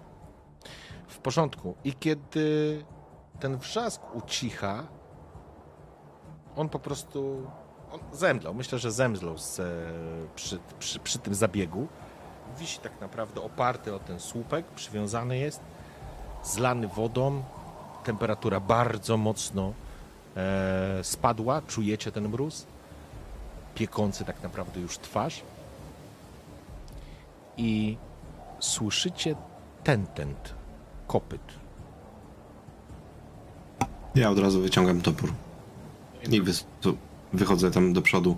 Co tam kurwa jest grane? Kto to jedzie? Stańmy, stańmy z boku. Zobaczmy, kto to najpierw. Jak uliczką wpada na ciemnym koniu jakiś jeździec, po prostu biegnie. Oparty jest o koński łeb. Widzicie, że To znaczy sama sylwetka tego jeźdźca wygląda, no wygląda po prostu na rannego. To w ogóle nie, nie, nie, nie można tego pomylić z czymś innym. On, z, on wjeżdża po prostu, ten koń po prostu wjeżdża przez tę ulicę, ulicę. Z tego dostrzegacie, że ma na sobie, to jest jakiś strażnik. Wygląda jak jakiś żołnierz, ale nie jest husarze, husarzem. Ludzie, pomocy! Pomocy! I zwala się z Biegam, tego łapię, konia łapię, na, ziemię. próbuję go złapać. Gloim, szybko, do Anny z nim. Wciągnijmy go do cieplego. Konia przywiąż. No i wciągamy we dwóch. Okej, w porządku? Kwasu, kwasu od razu nalewam, jako gdzieś wiesz, przy kominku, czy pod kocem, czy pod czymkolwiek jest. Słyszycie jakby tą sytuację, drzwi się otwierają, Walerii wprowadza typa, to znaczy pod ramię go ciągnie. Y, To jest jakiś żołnierz. Walerii, rzuć sobie wiedza, Dorben, rzuć sobie wiedza. Kislew? Y, ja, dobra, to za chwilę. Ja mam wiedzę Imperium. Ach, dobra, okej, to nie. Dobra, to Nie. też nie. W porządku. To w takim razie wprowadza jakiegoś, jakiegoś mężczyznę e, w żołnierskim rynsztunku. Nie ma na sobie kolczugi, ale ma skórzane szaty. Nie jest ungołem, to na pewno. Mogłem go widzieć ewentualnie Nie. wcześniej? Nie, Nie. to jest. E, to absolutnie nie jest e, ktoś, kogo wcześniej widziałeś. Pierwszy raz widzisz. Powiedziałbyś, że no, młody W człowiek. uniformie. Mhm, ale w uniformie żołnierskim, jest żołnierzem zdecydowanie Mhm. i go wprowadzają, właśnie wciągacie go do środka. E, Ksenia wstaje, ach, cóż to, cóż tu się stało? E, Aleksiej też wstaje i podchodzi jakby do gościa, który... Ania, coś chciałaś? Tak, i ja chciałam, że korzystając z zamieszania, jak chłopaki wciągają tego naszego nowego gościa do karczmy, to ja chcę niepostrzeżenie zabić Olega, bo no, po prostu uważam, że zasługuje na to. Okej, Pomocy wola! Anno! Anno, opatrzyć go trzeba! Ja go szybko zabijam i tak jakby biegnę to do nich, znaczy żeby musisz, żeby wiesz, opatrzyć. prze... oni wychodzą, słuchaj, bo nie przeteleportujesz się. Oni wchodzą przez drzwi do karczmy z tym typem, z tym żołnierzem. Żeby przejść, Tak, musisz ale przejść... ja byłam przed karczmą. W sensie, bo ja A, nie ty wróciłam do wylazłaś. środka. Jak, A, okej, dobrze. ja nie wróciłam do środka, więc jak tylko oni zaczęli zwracać uwagę na tego nowego jeźdźca, to ja po prostu chcę, chcę po prostu zabić Olega, bo uważam, że już wystarczająco wycierpiał. Okej, w porządku. No w tej sytuacji na pewno znajdziesz ku temu sposobność, bo ja nie miałem świadomości, że ty jesteś przed karczmą. Bo Ja jeżeli nie- wy poszliście po tego jeźdźca, e, no to Anka została sama i mogłaś po prostu przebić mu szyję e, Tak, no sztyletem. i to chciałam zrobić. No a jak chłopaki ci- ciągną tak jakby tego nowego jeźdźca do karczmy, to ja po prostu biegnę, biegnę za nimi, tak? Wchodzicie, znajdujecie się w karczmie, mężczyzna jest ranny, rana jest spora na całym boku i widzisz, że to jest e, poważna rana, że on dojechał, to jest cud, zresztą nie wiadomo skąd on dojechał. Mhm. Po czym e, spogląda się, ma, jest przytomny, widać, że śniegiem oblepiona twarz, który teraz ten śnieg po prostu puszcza na, na brodzie, takie strąki się pojawiają. Gdzie jestem? Gdzie jestem? Ludzie, musicie pomóc. Musicie pomóc. Ja go opatruję od razu, ja go od razu opatruję, to w ogóle nie ma, nie ma rozmowy. Okej, w Minus porządku. 10? E, tak, będziesz miała jeszcze minus 10 i będziesz rzucać z... Ty chirurgię sobie dodajesz do tego na plus 10? Nie? To masz z chirurgii jeszcze plus 10. No to, da, to mam na 0. No. Krutaja. Jest sukces. e, jest sukces. Sukces na 7 plus chciałabym użyć papkę. W porządku. Czyli tak, po pierwsze widzisz, że... daje 4. Poczekaj. Po pierwsze widzisz, że mężczyzna jest e, krytycznie ranny, Mhm. więc zaczynasz go po prostu składać. I to jest właściwie chirurgiczna rzecz, którą ty musisz zrobić, żeby się tym zająć. A on, on nie pozwala się, że tak powiem, on musi powiedzieć, on musi przekazać informacje. I, i jakby słyszycie, y, kiedy Dorben, ty rzucasz kurtaja, Tak, krutaja. Skąd jesteś? Napadli na nas zwierzoludzie. Jestem z. z czarownicy. Z, z czaro, lodowej czarownicy, jak tak powiedział. Z lodowej czarownicy Zoi. Pomóżcie, ludzie, pomóżcie. Jak daleko? Jestem z Urszaku Ja mu lodowej panny. papkę dać, Zoi, nie wiem, panisz- łatam go tą papkę. Paniuszkinów, musicie pomóc. Zmierzamy do Jak kurowny. daleko? Spogląda się, jakby próbował połapać. Te bydlaki dopadły nas na wielkiej polanie. I to dla was wystarczy. To znaczy dla Dorbena, Aleksieja i dla Ksenii jest to jasne. Wielka Polana to jest część strony na północ od e, Kurtai. Bliżej Kurtai zdecydowanie niż Gorownej. E, prawdopodobnie, teraz kojarzycie, on mógł przyjechać nie od południa, ale mogli przyjechać od wschodu i dołączyć do tej drogi, bo tak by wyglądało, dlatego ominęli Kurtaje. Więc jeżeli poszli tam, to Wielka Polana jest, jest dosyć blisko, powiedziałbym. To jest step tak naprawdę. Tam nic nie ma. Tam jest step, ale jest jeden problem. Zaczyna się śnieżyca. Ja go składam, tak jakby w ogóle go nie słucham, nie interesuje mnie co on mówi, ja go po prostu składam, używam tej papki, nie wiem, na ranę, żeby to jakoś zalepić, żeby go uratować. E, Gloria, Ksenia, szykuj się. Ksenia spogląda się. Musimy ruszać. Ludowa czarownica na Wielkiej Polanie. Ale śnieżyca przed nami. Patrzę na Ksenię, patrzę na Dorbena. Damy radę? Poprowadzicie nas? Musimy.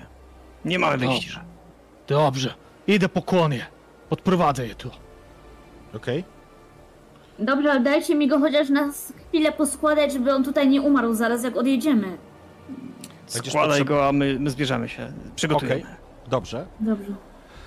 Będziesz potrzebować trochę czasu, ale faktycznie zarówno Ksenia, jak i właściwie wszyscy wyszli, zostawiając ciebie z, z, z, z tym mężczyzną, położyli go na stole i zaczynasz przygotowywać i jakby opatrujesz go. E, jest faktycznie mocno pocięty. Tak, chcę go, chcę go na tyle ustabilizować, że jak pojedziemy, to on sobie przeżyje i To będzie w znaczy, stanie... nie ma, coś nie, zrobić. nie ma niebezpieczeństwa, że umrze, to, to na pewno. Mhm. Jesteś w stanie, on, on z wami nie jest w stanie pojechać, ale jesteś w stanie go opatrzyć tak, że on nie umrze. No to I- właśnie to chcę zrobić i, i nie wiem, nawet tej papki użyć, żeby trochę, no żeby po prostu, nie wiem, mógł sobie drewna przynieść, tak, żeby podtrzymać znaczy, ogień. po tej, po tej operacji absolutnie nie będzie w stanie, e, że tak powiem, sobą się zajmować. To, to na pewno nie. Ja nie jestem pewien, czy ta papka działa na krytyczne obrażenia. Muszę to sprawdzić. Ja sobie to za chwileczkę Mhm. sprawdzę, ale pytanie, co wy będziecie robić w tym czasie, pany? Znaczy, ja wiem, że na, y, na tego, na Gloimbena działała raz, na krytyka, na, na ręce. Lekko rannej postaci. Więc jeżeli e, poszło na krytykę, to ja nie doczytałem twój fart, Glejman. Okay? Więc w tym momencie, w tym momencie, ale ty go wyciągniesz, poczekaj, ty go wyciągniesz operacją. Może, dobra, okej, możesz mu to zaaplikować. Za, przyjmijmy, że zaaplikowałeś mu to, a będzie bardziej stabilny, ale i tak przeżył y, dosyć poważnie. To znaczy, wiesz, rana jest poważna. Oczyściłaś tą ranę, strzyłaś tą ranę, zabandażowałaś go. Myślę, to, że to wystarczyło. em, dla was na czas dostaliście tyle czasu, żeby przygotować konie. Jak szedłem jeszcze po konie, to Mhm. chciałem rzucić okiem na, na Olega, jak się trzyma. Oleg, w porządku, wychodzisz, jego głowa jest przekrzywiona w nienaturalny sposób, zalany jest krwią. Kątem oka dostrzegasz, że to nie jest krew z oczu dołów, ma poderżnięte gardło albo przebite gardło. Whatever. Dorben idzie przy mnie? Mm, Mhm. Okej. Dorben, naucz ty swoją wiedźmę, że nie każdy tutaj zasługuje na normalną śmierć i litość. Nie patrzy, teraz. nie, patrzy, nie, ma, nie patrzy nawet na ciebie i idę dalej.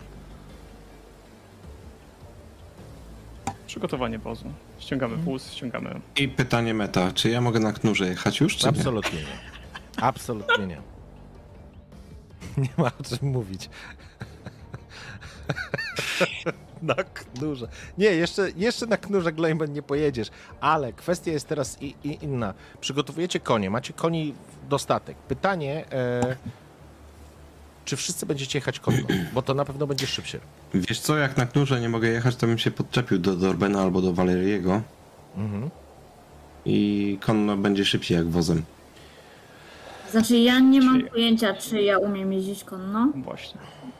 Tu jest jeździectwo. Jak nie umiem, to też się podepnę. Jest, Jest niestety jest. jeździectwo, jest taki skill, jest jeździectwo. Ja, ja, ja wóz jednak bym wybrał.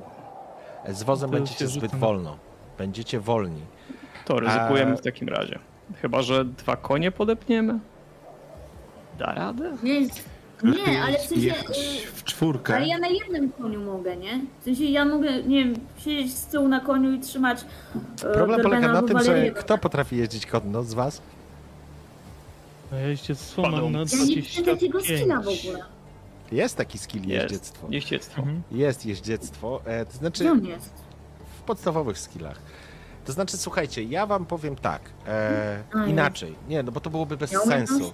Ja myślę, że e, może poza krasnoludem każdy z was potrafi prowadzić, jechać konno, ale nie macie umiejętności jeździectwo, czyli jeżeli na przykład chcielibyście przeskakiwać przez wykroty, galopować przez długi czas, e, robić jakieś manewry jadąc konno i cudować, absolutnie nie będziecie potrafili tego zrobić.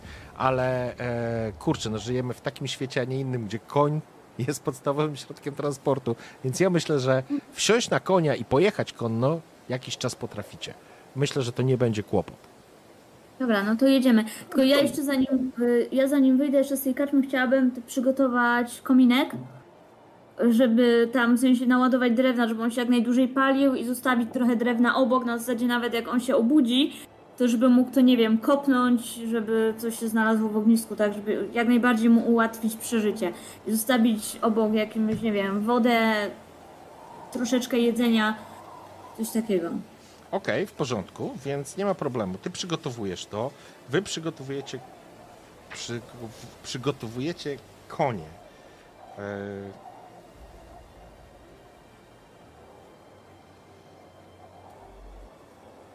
Mm, tak, jest nawet woltyżerka później.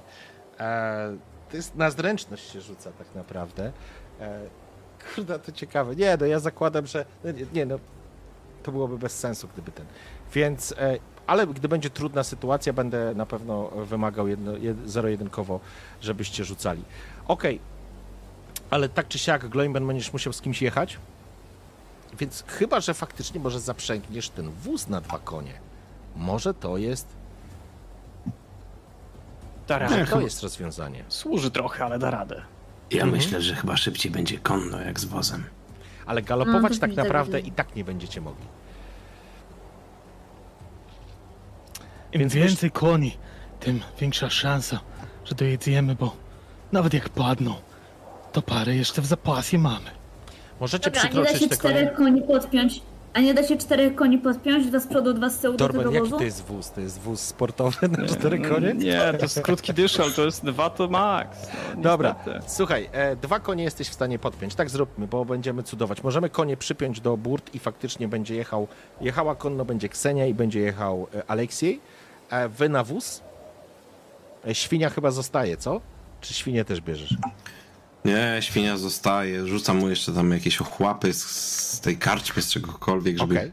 nie zginął biedulka. I, w, I przede wszystkim nie w chlewie, a w stajni stoi. Może Prosiaka tam z żołnierzem zamknij i tam ciepło będzie mu i położyć się będzie miał przy kim. Dobrze, słuchajcie, ruszacie w każdym razie, opuszczacie kurtaję dosyć na, na dużym pośpiechu, krótko mówiąc, ale to, co jest przerażające i to, co widzicie przed sobą, to zawierucha. Wsiadacie i właściwie w sumie teraz przez chwilę nawet dochodzi do was, że może lepiej, że nie jedziecie konno wszyscy, bo w tych warunkach będzie to niezwykle trudne. Ubrani jesteście po sam nos. Temperatura spada, a wy ruszacie wyjeżdżacie z Kurtai i wjeżdżacie w totalną zamieć.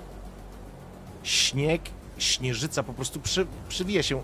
Odległość, którą widzicie, siedząc na, na, na, na, na wozie, nie widzicie końskich łbów. Ledwo widzicie końskie zady. Wjeżdżacie, konie parskają, ale zapięte są, wspięte są w dwa. E, jak rozumiem, wzięliście jeszcze jakiegoś dodatkowego kobyłkę? Jakąś dodatkową kobyłkę, czy, czy nie?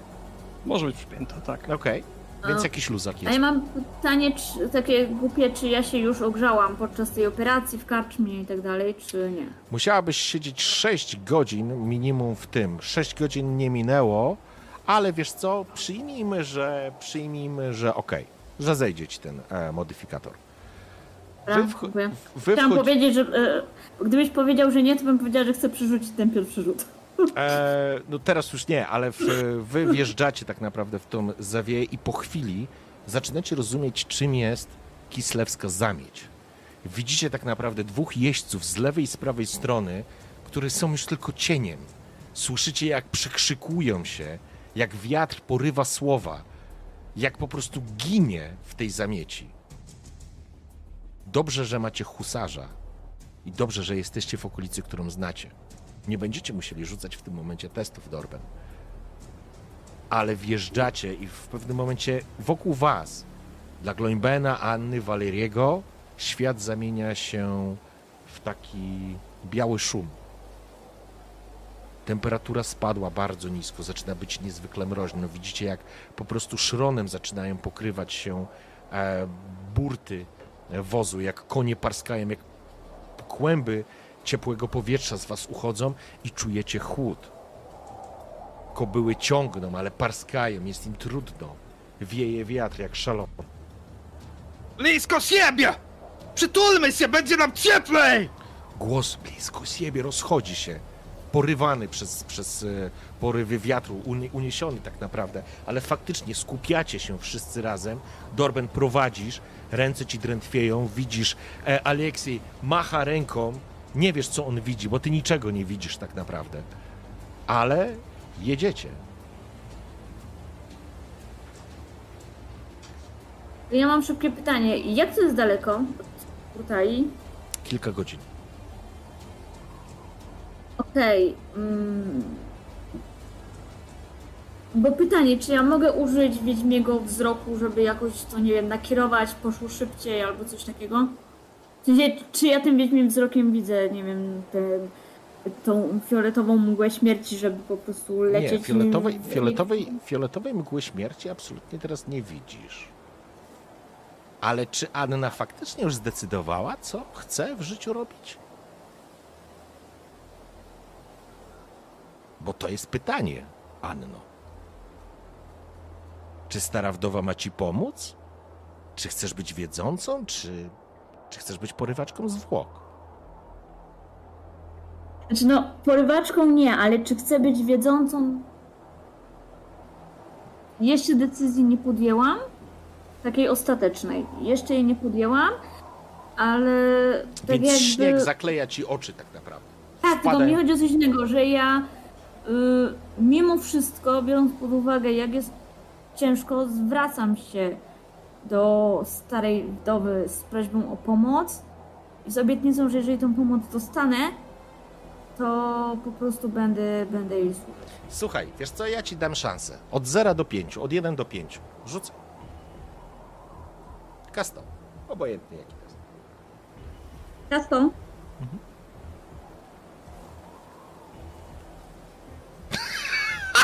Padum. Ja nie wierzę w to. Ja w to nie wierzę. O, fuck. Skakowaliśmy rola dzisiaj. O, fuck. Jakie rzuty dzisiaj idą, to, to, to, to wow. No to chyba zostaje wiedzącą, tak? Rozumiem, że mi stara wdowa chyba pomaga. O kurwa, ale rzut. Chyba los tego nie przewidział. Los tam siedzi i się łapie za twarz. Na niebie widzicie. To było bang. Dokładnie. O fuck. I odjeżdżacie w blasku zachodzącego słońca. Tak. Nie róbcie tym swoje, tego swojemu mistrzowi gry. Super. Nie, ale to jest, to jest, ojej, to jest mega ogień. Poczekajcie, to, to, ja muszę sobie tutaj No to zmienić. chyba zostaje wiedzącą, czy mi się to podoba, czy nie, z tego co rozumiem.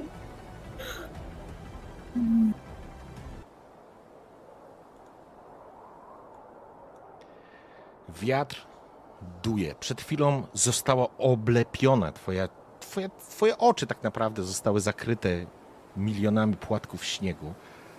Ale gdzieś zaczynasz szukać tego bicia serca. Gdzieś zaczynasz po cichu, po swojemu, bo przecież nie wiesz jak zwracać się do duchów strany. Prosić o pomoc prosić o wsparcie. I w pewnym momencie, kiedy chłód jest już, może nie to, że nie do wytrzymania, ale faktycznie będziecie musieli sobie z pewnością raz rzucić, normalnie byście musieli, ale w pewnym momencie dostrzegasz i czujesz, jak inaczej, nawet nie czujesz, zaczynasz słyszeć uderzenie serca, ten rytm, który już wcześniej słyszałaś. I po chwili nie słyszysz żadnych psów, które tu szczekają, bo zaraz. Moli, zapraszam. Biedny pies. No jednak Kislew czuwa, słuchajcie, Kislew czuwa. Jednak. Sorry. Standardowo, Moli. W pewnym momencie widzisz, jak tak naprawdę znowu, jakbyś spoglądała, tak jak wtedy przy babie Olenie, jakbyś spoglądała z góry na, całe, na całą stranę, na cały Kislew, który, który sam w sobie jest wielką, wdo, starą wdową i w ogóle rzucić jeden, jeden rzucić w takiej sytuacji, dostrzegasz po chwili, widzisz jak duchy, które, które żyją, są wszędzie, w każdym elemencie i ty teraz je dostrzegasz, tak jakby, jakby obok obracasz się i obok jakby siedziała obok ciebie baba Olena.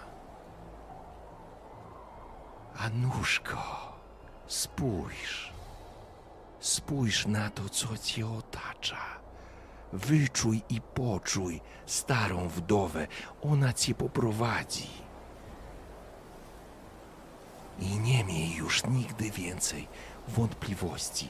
I spoglądasz w tym momencie, widzisz jak duchy, które się pojawiają, i one są różnych kształtów. Wyglądają demonicznie, wyglądają jak zwierzęta, wyglądają jak, jak istoty utkane z lodu i śniegu.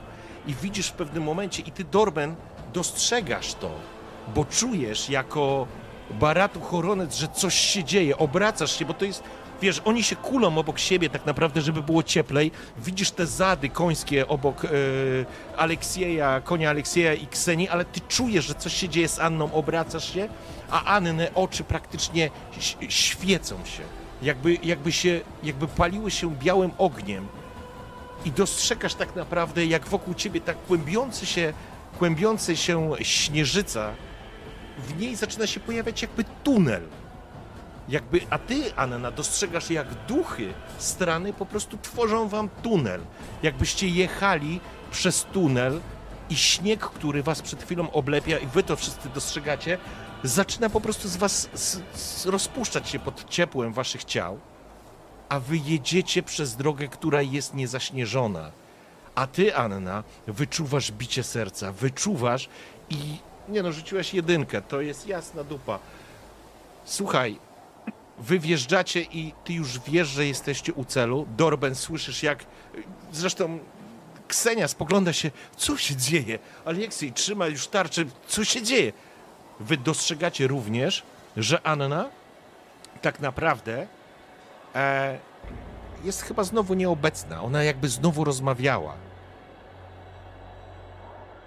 I w pewnym momencie słyszycie wark. Coraz więcej, coraz gęściej, a ty wyczuwasz, że w miejscu, w którym się znajdujecie, nie jesteście już sami. Jesteśmy! To wielka polana. Ona tu musi być, gdzieś być. Rzuciłaś jeden, wszystko mi zepsułaś. No ale cudownie. E, w pewnym momencie dostrzeg dostrzegacie w tych kłębach śniegu sylwetki, które po prostu przeskakują, tak jakby przeskakiwały przez ten tunel, jakby czuły się, że są niewidoczne. I widzicie, że to są zwierzoludzie, którzy przeskakują, trzymając potężne topory, pyski zwierzęce, u, u, uzbrojone głowy, wrogi. I jeden z nich przeskakuje i on jest jakby... Myślę, że nie, to jest światło Warhammera, mogliście to słyszeć. Jeden z nich to jest Centigor, trzymający potężną włócznię w dwóch łapach. A cztery łapy jeszcze są na ziemi. On się po prostu przeskakuje, jakby was nie widział, jakbyś obracał, ale was jeszcze nie widział. A ty, Anna, rzuciłaś jeden. A ty czujesz, jak czarna, czarna, przepraszam, stara wdowa stara się pomóc jednej ze swoich cór. I Anna, ty wiesz, gdzie się znajduje lodowa czarownica.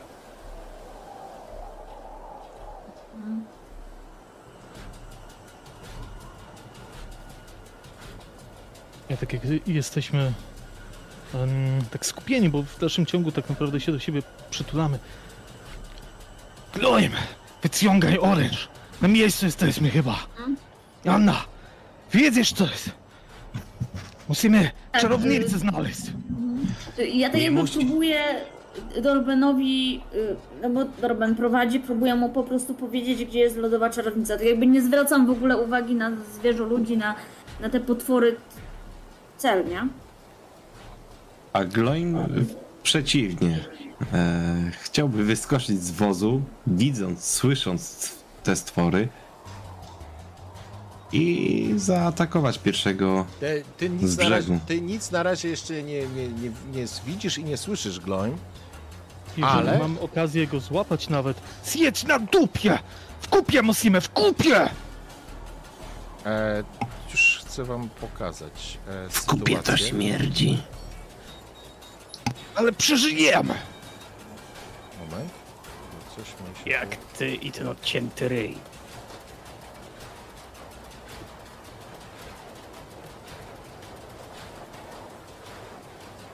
Czekajcie, bo coś mi się tu pochrzaniło. W porządku. Wy wjeżdżacie w tą śnieżycę, ta śnieżyca jakby za wa- wa- wami się jakby zamyka się znowu. Widzicie obok siebie e, stojących tak naprawdę na koniach e, Ksenię i i Aleksieja, którzy są zszokowani. Oni w ogóle nie wiedzą, co się wydarzyło, ale ty, Anna, wiesz, gdzie ona jest. I wam po prostu wśród tych, tej nawałnicy śniegu po prostu te postacie migają. Anna, myślę, że doskonale wiesz, gdzie oni są. Wyczuwasz ich. Duchy ci po, po prostu mówią, gdzie są. E, co oznacza, że ty wiesz nawet, ilu ich, tych przeciwników z przodu jest. E, zaraz to, zaraz wam powiem. Co robicie? Wóz jedzie w kierunku, który wskazuje Jana. I tutaj nie zatrzymuje się, nie patrzy na to, że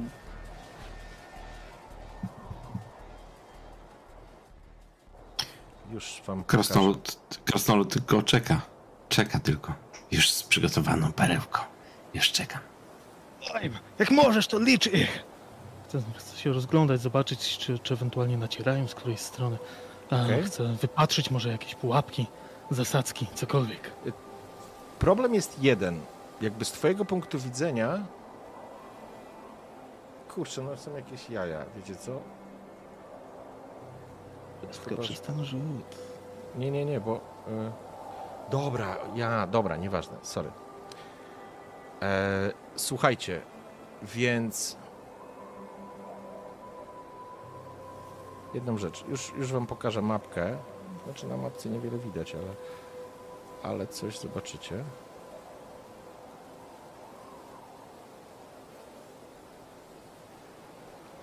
Przejdźmy na mapkę. Nie no, wiesz co, zrzuciłeś jedynkę. Kurde, ale jazda. Dobra, słuchajcie, e, przeskoczę na mapkę. Dobra, przyznaję, schakowałam rola.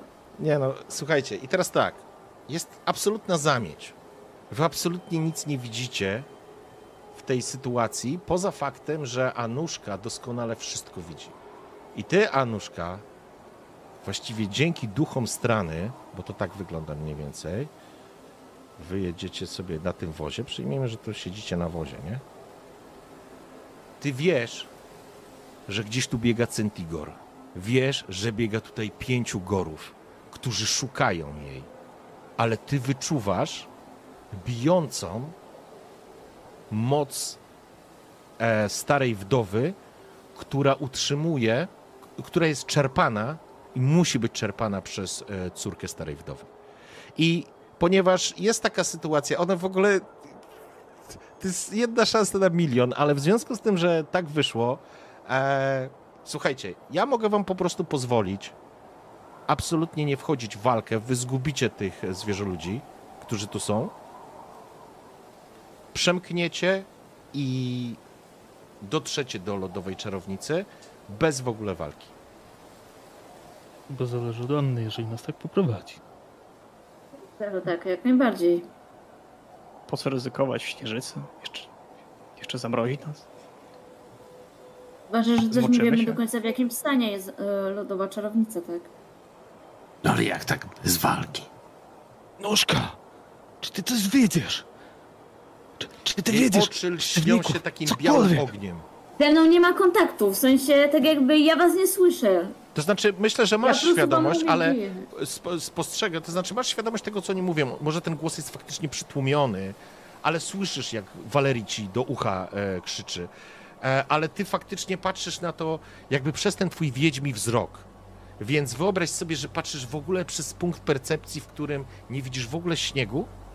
Masz, wyobraź sobie taki obraz wśród ciemności, gdzieś daleko, taki błękitny płomień, który jest punktem określającym położenie em, lodowej wiedźmy. Wyczuwasz energię swoją i waszych, że tak powiem, towarzyszy jako punkty, jakby, jakby istoty, które mają duszę albo inaczej żyją po prostu, mają jakiegoś ducha w sobie i widzisz spaczone taką czarną jakby nie wiem, chyba czarna będzie najlepszym określeniem. Takie ciemne, ciemne plamy energii, które, które krążą, one szukają, one jakby usłyszały może nawet was, ale jesteś w stanie absolutnie poprowadzić tak, że unikniecie absolutnie tego starcia. Tak, to ja nie odpowiadam chłopakom w ogóle, po prostu mówię Dorbenowi, gdzie ma jechać. Którędy? Tu w prawo, Nie, mamy tu jeszcze lewo. piękniejszą sytuację. Gówno, nie mówisz nic. Dorben, ty po prostu ją słyszysz. Jesteś jej barat, tak. choronec. Ty słyszysz ją w głowie. Kogoś wywaliło, Torgala, ale to chyba wróci. E, ty słyszysz ją w głowie. Faktycznie, nie ma z nią kontaktu. Walerii, krzyczysz do niej, jej oczy po prostu lśnią białym płomieniem, a ty, Dorben, słyszysz ją w głowie. Jadę. Jadę tam, gdzie słyszę. i gdzieś słyszycie warknięcie, słyszycie, "Ach!" roznoszą się. Wściekłość, wyczuwasz tą wściekłość tych istot, które są złe do szpiku kości. I one po prostu chcą rozszarpać albo wiedźmę, albo was. Ale nie mogą, nie mogą. Stara wdowa tchnęła swoim mroźnym oddechem, przykrywając wielką polanę i tą część strony nagłą nawałnicą śniegu. Kobyłki i konie są spłoszone i widzicie, czujecie, jak nerwowo obracają się jakby wśród tej, tego białego szkwału, tej, tej białej, no, białej burzy tak naprawdę, że tam czyha niebezpieczeństwo. Ale prowadzeni przez starą wdowę jesteście w stanie to ominąć. I to jest ten moment, w którym wśród bieli i śniegu jesteście oblepieni tym śniegiem, próbujecie się kryć. Dojeżdżasz, Dorben, bo ty wiesz, że stoisz i dostrzegacie, jak wśród tego śniegu stoi kobieta, która ubrana jest w takie głęboko naciągnięte futro, bardzo, powiedziałbym, wyjątkowej jakości, ale na to nawet nie zwracacie uwagi. Zwraca uwagę to, że ona stoi, jakby ten śnieg się jej nie imał. Na głowie ma taką szapkę, ale to nie jest szapka taką, którą nosili ungołowie. To jest piękny, piękny taki czepiec obszyty futrem z jakimś klejnotem. Jej oczy delikatnie lśnią takim błękitnym blaskiem. I kiedy wy, konie tak naprawdę zatrzymują się, ona w ręku trzyma jakby miecz utkany z lodu. Spogląda się na was. Ale wiesz, Anna, i czujesz, wyczuwasz ją, i ona wyczuwa absolutnie ciebie również. Kim jesteście? Kim jesteś, dziewczyno?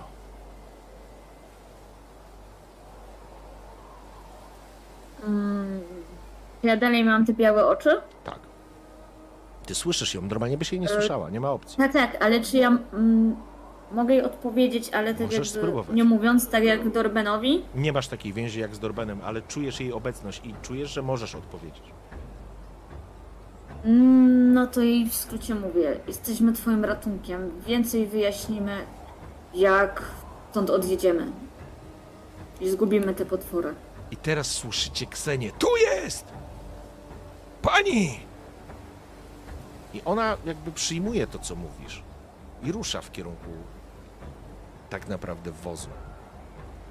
Dorben, ty słyszysz tą rozmowę, chociaż nie możesz w niej uczestniczyć, ale jako bierny słuchacz. Kobieta podchodzi, wsiada po prostu na ten wóz. Spogląda się tylko, ale jakby ignorowała ciebie, Dorben, ignorowała wszystkich i spogląda się tylko na Annę, której oczy płoną białym płomieniem. Zabierajmy się, Dorben. Do Kurtai. Musimy się wycofać. Wracam. I jedziemy. Gloimben, Valerii? Dajesz. Dajesz, kapa.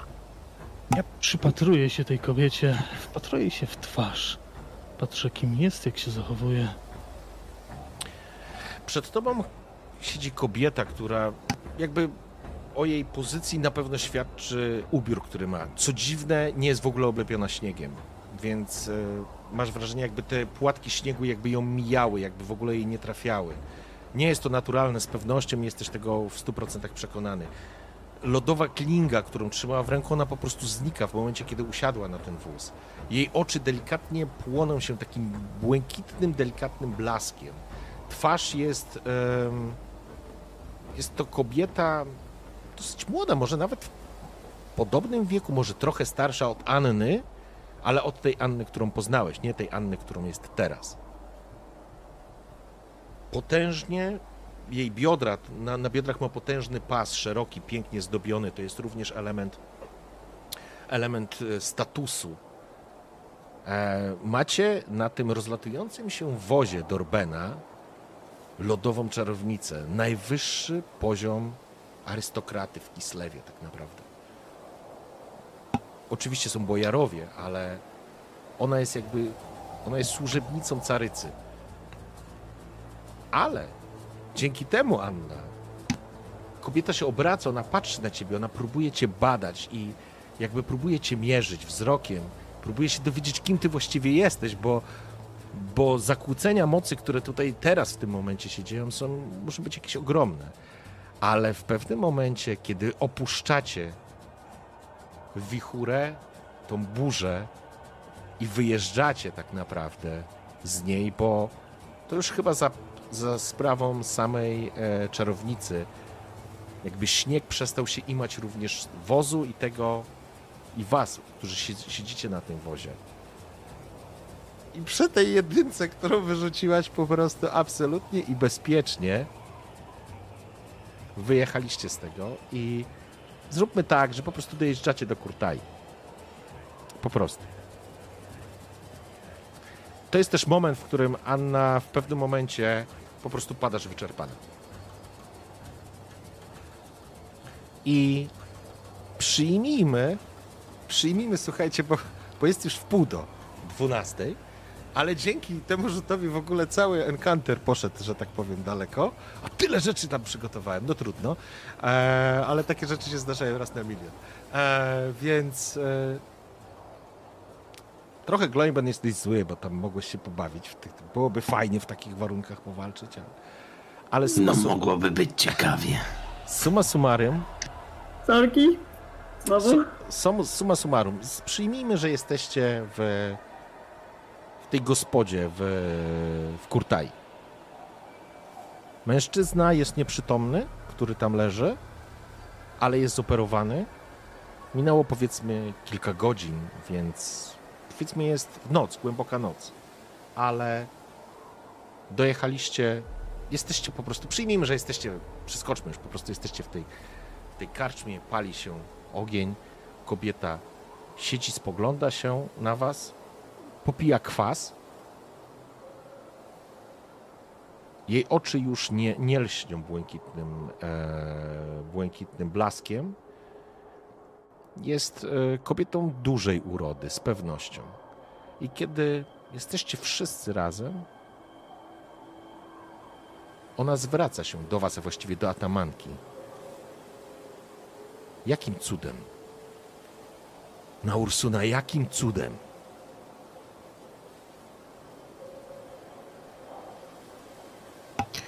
Nie pytaj o cudy. Dużo rzeczy się złożyło na to, że tu jesteś teraz z nami. To nie są że cuda. Kładzie rękę. Widzę, że jest tu Grigori, którym się zajęliście. Więc zakładam, że to on dotarł zgodnie z rozkazem i poprosił o pomoc, ale jakim cudem. Kim jest ta kobieta? Wskazuje na Annę, która teraz dochodzisz do siebie. Po prostu jesteś wyczerpana. Masz wrażenie, jakbyś absolutnie. e, trochę podobnie jak wtedy po, przy, przy walce z tym szamanem. Przez ciebie, jak przez naczynie przelała się potężna moc, ale tym razem w odróżnieniu nie byłaś tylko przekaźnikiem. Byłaś częścią tego całego spektaklu. Rozumiałaś to, co się dzieje. Teraz nie potrafisz tego zrozumieć. To jest tak, jakbyś miała przez chwilę inną świadomość, jakby otworzyły ci się rzeczy i zrozumiałabyś rzeczy, których teraz już nie rozumiesz. Jakby to był wyjątkowy, jeden, jedyny moment, ale wiesz, że jesteś w stanie do tego dotrzeć. To jest tylko kwestia wiedzy i zrozumienia tego, co się dzieje wokół ciebie. Na pewno Anna od Y- tego momentu patrzy na świat inaczej. Na 100%. Pytanie, czy ja jestem przytomna, czy jestem tak wyczerpana, że, że straciłam przytomność? Nie, nie, już jakby odzyskujesz tą przytomność, ale faktycznie jesteś wymęczona i umęczona tą całą sytuacją.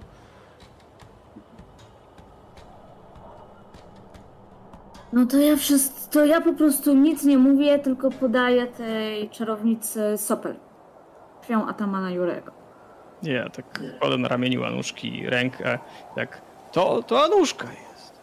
Ona z nami od dłuższego czasu. Do Kislewa chciała przyjechać, przyjechała, wróciła. Wszyscy wiedzieli, że ona stąd. Gdzie jest jej baratuchoroniec? To może opowiedz więcej. Taki zaszczyt mnie dostał. Co, co, co potrzebujesz wiedzieć? Ile tu, ile tu jesteśmy? Dwa tygodnie? Może coś ten, może tyle. Z Imperium przyjechali. Ale bez Anny, na ciebie byśmy pewnie nie trafili tak szybko. Bo to zasadzka była. Usiądź, rozgrzej się chwilę, a my ci wszystko opowiemy. Kseniu, jako że tyś tutaj najwyższa i rangą i zasługami, myślę, że tobie należy się zaszczyt przedstawienia całej sprawy. Ja chętnie dopowiem, co widział i słyszał. A. I, ja tylko ten sopel podaję, nie? Okej, Tej czarownicy. w porządku.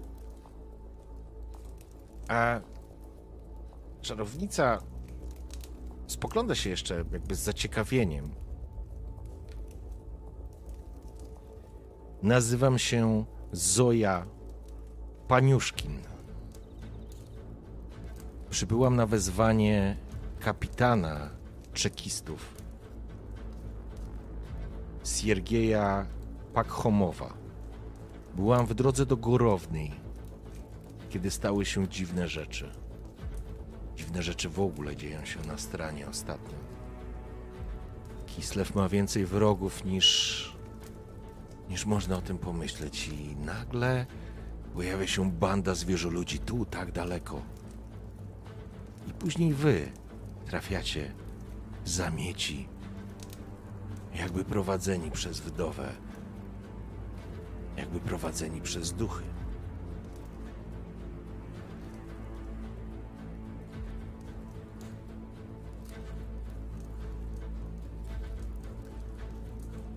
Zoju, jestem atamanka. Jestem atamanką Kurdai. I muszę ci wiele wytłumaczyć. Licząc, że wesprzesz nas, bo bo złe rzeczy się dzieją i my bez Twojej pomocy nie jesteśmy w stanie sprostać. Ale możesz na nas liczyć do końca staniem, aby rozliczyć się z żelaznym kapitanem, który za to wszystko odpowiada. I Atamanka zaczyna opowiadać to, co już słyszeliście, to, co już znaliście. To, że oczywiście roty husarzy zostały podniesione, mm, postawione na nogi tak naprawdę w całej stranie, bo złe rzeczy, chaosyci, może nie kultyści, ale jacyś czarnoksiężnicy, jacyś zwierzoludzie, którzy w tych miejscach nie powinni się pojawiać i na pewno nie są to pozostałości, przepraszam, po fali chaosu, która przeszła przez Kislev i, północne imperium. To są nowe szczepy kiazaków, którzy służą mrocznym potęgom. I takie miejsca występowały na całej stronie, w całym Kislewie. I Anna, kiedy ona to opowiada, ty widzisz, przypominasz sobie. To zresztą słyszeliście, jak Anna również majaczyła, jakby tłumaczyła o tym, że w wielu punktach ciała, że tak powiem, ducha samego Kislewu wbijane były te, te krwawe szpony. I o tym, jak również ona jako atamanka Kurtai pomagała atamanowi, któremu podlegała, czyli tak naprawdę Juriemu z Gorownej, zebrała kilku jeźdźców i ruszyła i razem orszakiem patrolowali tutaj rotą e, tą część strony. I później pojawił się Siergiej, żelazny, żelazny kapitan. Zawsze zapominam tego nazwiska. Pakhomow. I miał niezwykle celne rady, a później pojawił się jakiś dziwny doradca. I te rady były jeszcze celniejsze. Rozbili kilka band. Kilka rajdów roty było fantastycznych, osiągnęli fantastyczne wyniki, że tak powiem, zaskoczyli wrogów. I w pewnym momencie wszystko się zmieniło. No i oczywiście ta cała historia o tym, że jak dołączyła baba Polina i, i później to, co się wydarzyło tak naprawdę w Gorownej już za waszą sprawą i za waszym przyczynkiem. I potem, kiedy wyjechaliście, uciekliście z Gorowni, dojechaliście do, do Diablego Jaru, w miejsce zasadzki, no i to jest ten moment, kiedy tak naprawdę Anna dajesz ten sopel. I teraz na widok tego sopla wypełnionego krwią, powiedzmy, Zoi znowu zapłonęły błękitnie oczy. Bo ona go chwyta, ściska i widzicie, jak ten sopeł pęka pod siłą tego, tego co ona mówi. W języku, którego nie rozumiecie, ale Anna, ty wiedźmim wzrokiem widzisz, jak ten sopel się kruszy i z niego pojawia się duch duch, tak jak wcześniej widziałeś duchy strany, tak widzisz ducha, który, który gdzieś tam układa się w kształcie człowieka, może trochę podobnego nawet do Atamana Juriego. I ona zaczyna z nim rozmawiać. I wy słyszycie, jak ona rozmawia z kimś. Nie słyszycie odpowiedzi. Anna, ty widzisz, niekoniecznie słyszysz to, co mówi ten duch.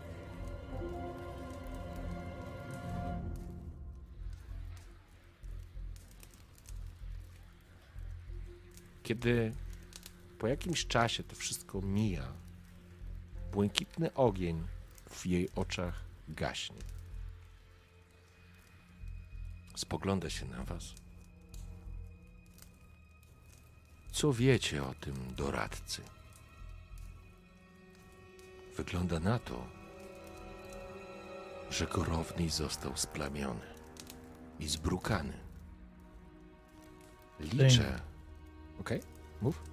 I tutaj Walerii mm, może nie, wy, nie wyrywa się, ale wstaje. Słyszałem, jak rozmawiają. Siergiej boi się go i działa zdecydowanie pod jego rozkazem. To jakiś czarownik splamiony chaosem, który bardzo, bardzo dużo wie o tym, co się tu dzieje. I mam wrażenie, a także mój zmarły przyjaciel, który wiedział o nim również co nieco, miał takie wrażenie, że to wszystko dzieje się pod jego wodzą. I tutaj dopowiadam, co dokładnie słyszałem, co widziałem w momencie, kiedy podsłuchiwałem pod tym oknem i próbuję sobie przypomnieć wszelkie szczegóły i co tylko mogę, to mówię. Okej. Okay. Ja dodaję na końcu, że potrzebujemy Twojej pomocy w powstrzymaniu go. I, i tak naprawdę w uratowaniu też Kislewu, bo ja podejrzewam, że on albo ktoś, z kim współpracuje ten czarownik, stoi, stoi po prostu za tymi ranami, za, no, no za tym zabijaniem powolnym starej wdowy. Zoja spogląda się na was. Przedstawiliście, to znaczy, tak jak powiedziała baba Polina, faktycznie ten artefakt musiał być elementem, który absolutnie ją przekonał. To znaczy, nie wiecie, co usłyszała od Atamana Juliego. Ale sięga po drewniany kubek, który powiedzielibyście tak bardzo kontrastuje z jej sylwetką, z jej pochodzeniem, z jej statusem. Wychyla go. Jak chłop w karczmie. Odkłada, spogląda się na was. Liczę, Atamanko, że dotrzymasz obietnicy.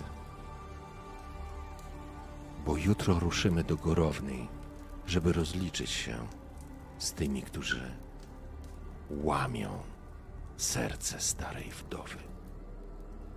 I na te słowa znowu lodowe płomienie pojawiają się w ich, w jej oczach.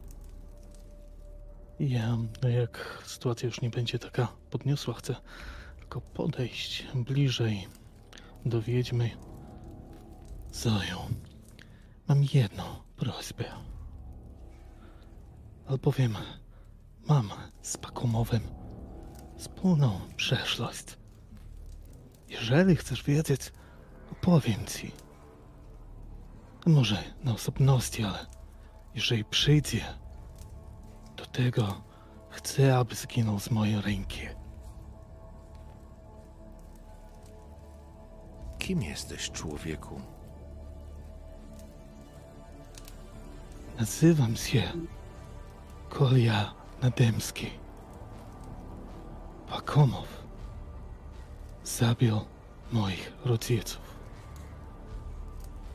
Przez 20 lat uciekałem, aż los sprowadził mnie znowu tutaj.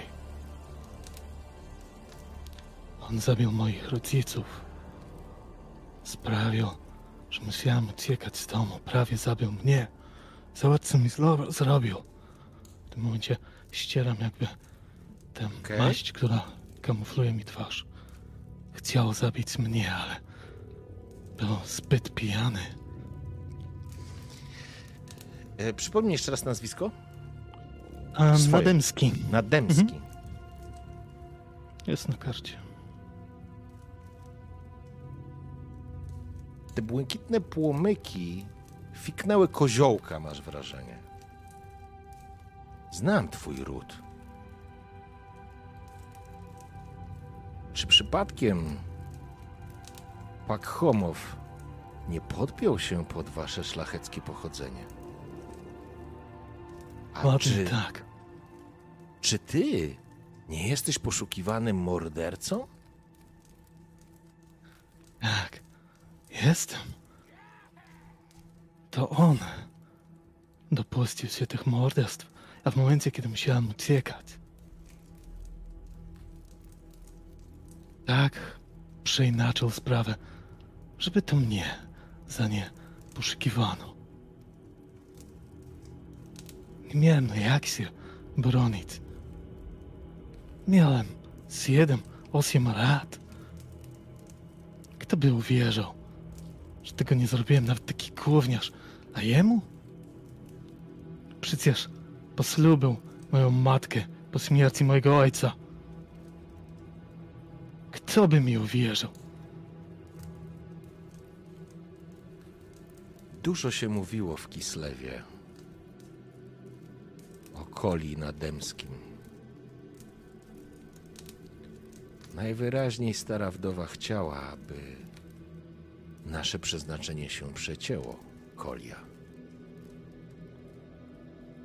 Będziesz miał swoją zemstę. Ten człowiek nie zasługuje na życie. Dziękuję. Odchodzę.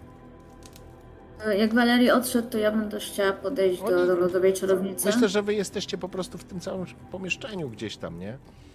Tak, no, ale tak jakby ja też chciałam tak mniej więcej na osobności zadać jej kilka pytań. I... Okej? E, Chciałam ją zapytać, tylko kurde nie pamiętam tego nazwiska. Co wie o tym moim rodzie? To baba Polina powiedziała, że z niego pochodzę, co z mojej krwi wyczytałam. Nie pamiętam nazwiska, coś na S. Twój ród, moja droga, już ci powiem. No bo ja tak naprawdę za dużo o nim nie wiem. I Ja chcę wiem. zapytać tą... Rodową sobie zobaczę. O. Samarinów, nie? Też mi się tak wydaje, ale... Tak, Im Samarinów. chyba zerwało. Mhm. Kogo? Kogo zerwało? Stream. Nie. Mhm. To znaczy nie mam żadnej O, informacji. zerwało. Zresztą u mnie też się wyświetla, że zerwało, no. Na Twitchu. U, a na fejsie? A, a na, Boże, a na YouTube? O, dobra, już jest. O, już jest tak. Nie, to bo ja nawet nie dostałem na OBS-ie żadnej informacji, więc może... Ale powinno być ok. E, tak, moja droga, Samarinow. To jest ród, o którym mówiła baba Polina. No to ja o ten ród chciałam zapytać. To pytaj. A... Ona Czarownico- bardzo cię uważnie przygląda. Czarownico Zoja, co wiesz o tym rodzie? I czym ten ród się zajmuje w Kislewie?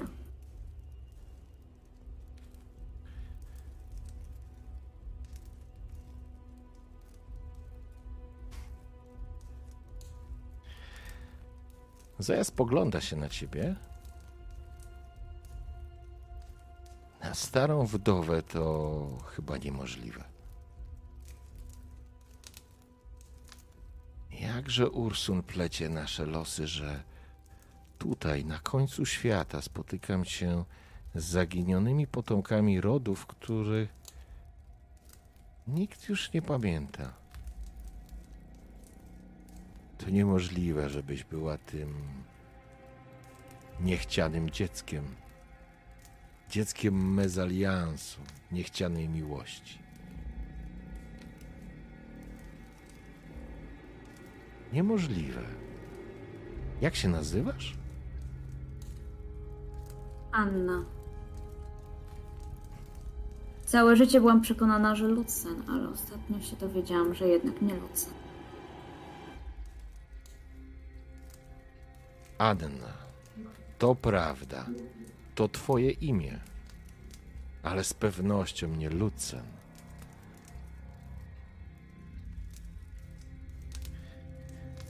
Jesteś. Jesteś z rodu Samarin, bojarskiego rodu w Kislewie, z którego twój ojciec zakochał się w ungolskiej kobiecie. Jesteś efektem tej miłości, Anno. Miłości zakazanej. Miłości, która nie miała prawa się wydarzyć. Twoja rodzina zdecydowała, że tą wpadkę da się wyeliminować. Znaczy się Twoją matkę i Ciebie. Na szczęście los pomógł, jak rozumiem, bo na szczęście dla Samarinowów. Wybacz, nie chcę cię obrazić, ale. To. Twoja matka zmarła w połogu, wydając ciebie na świat. Była ungołką, była wiedzącą. Więc teraz rozumiem skąd te umiejętności. Ale w tobie nie ma tylko ungolskiej krwi, w tobie również płynie krew gospodarów. Po twoim ojcu, który sprzeciwił się całemu rodowi i uciekł faktycznie do imperium.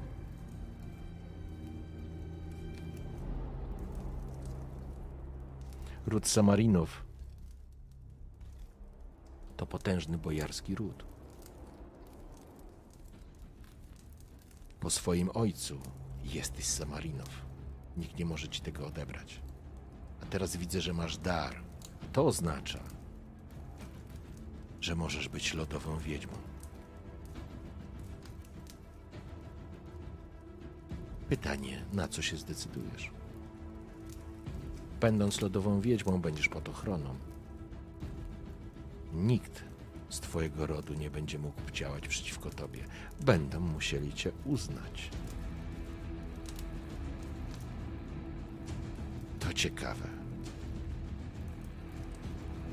Więc twój ojczym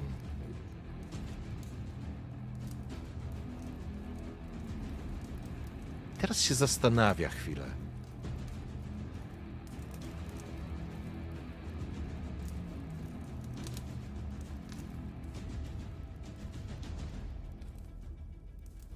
To Cinch.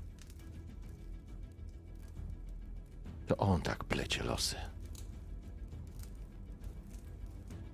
W Gorownej znajdują się sługi Cincha, mrocznego boga.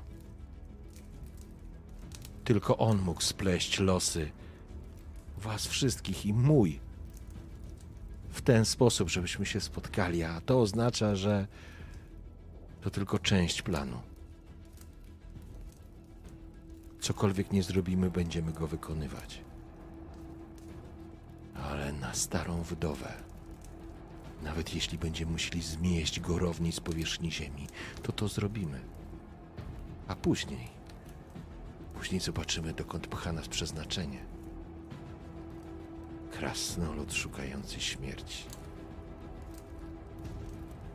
Ungo powiązany więzią z zaginionym dzieckiem. I chłopak, któremu skradziono całe życie.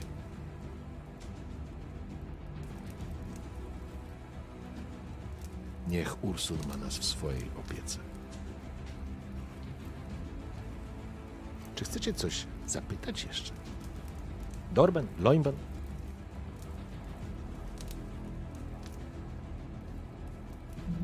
Nie, w tej chwili nie.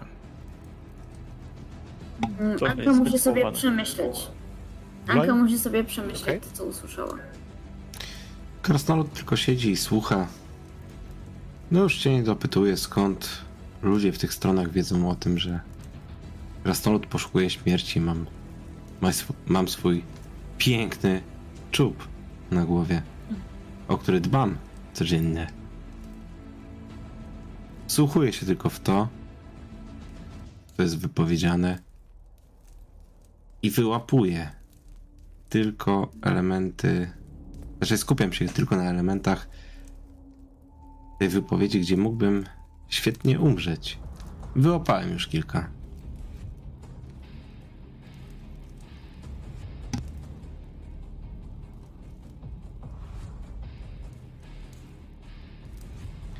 Masz wrażenie, że wiedźma spogląda się tymi swoimi błękitnymi oczyma. Masz wrażenie, że znowu te płomyki fiknęły koziołka, tak jak wcześniej rozmawiała z Walerią. Jakby zrozumiała albo wyczytała. Może po prostu potrafi odczytać to, co siedzi w głowie krasnoluda z pomarańczowym pióropuszem na głowie. Wyśpijcie się. Jutro ruszamy do Gorowni.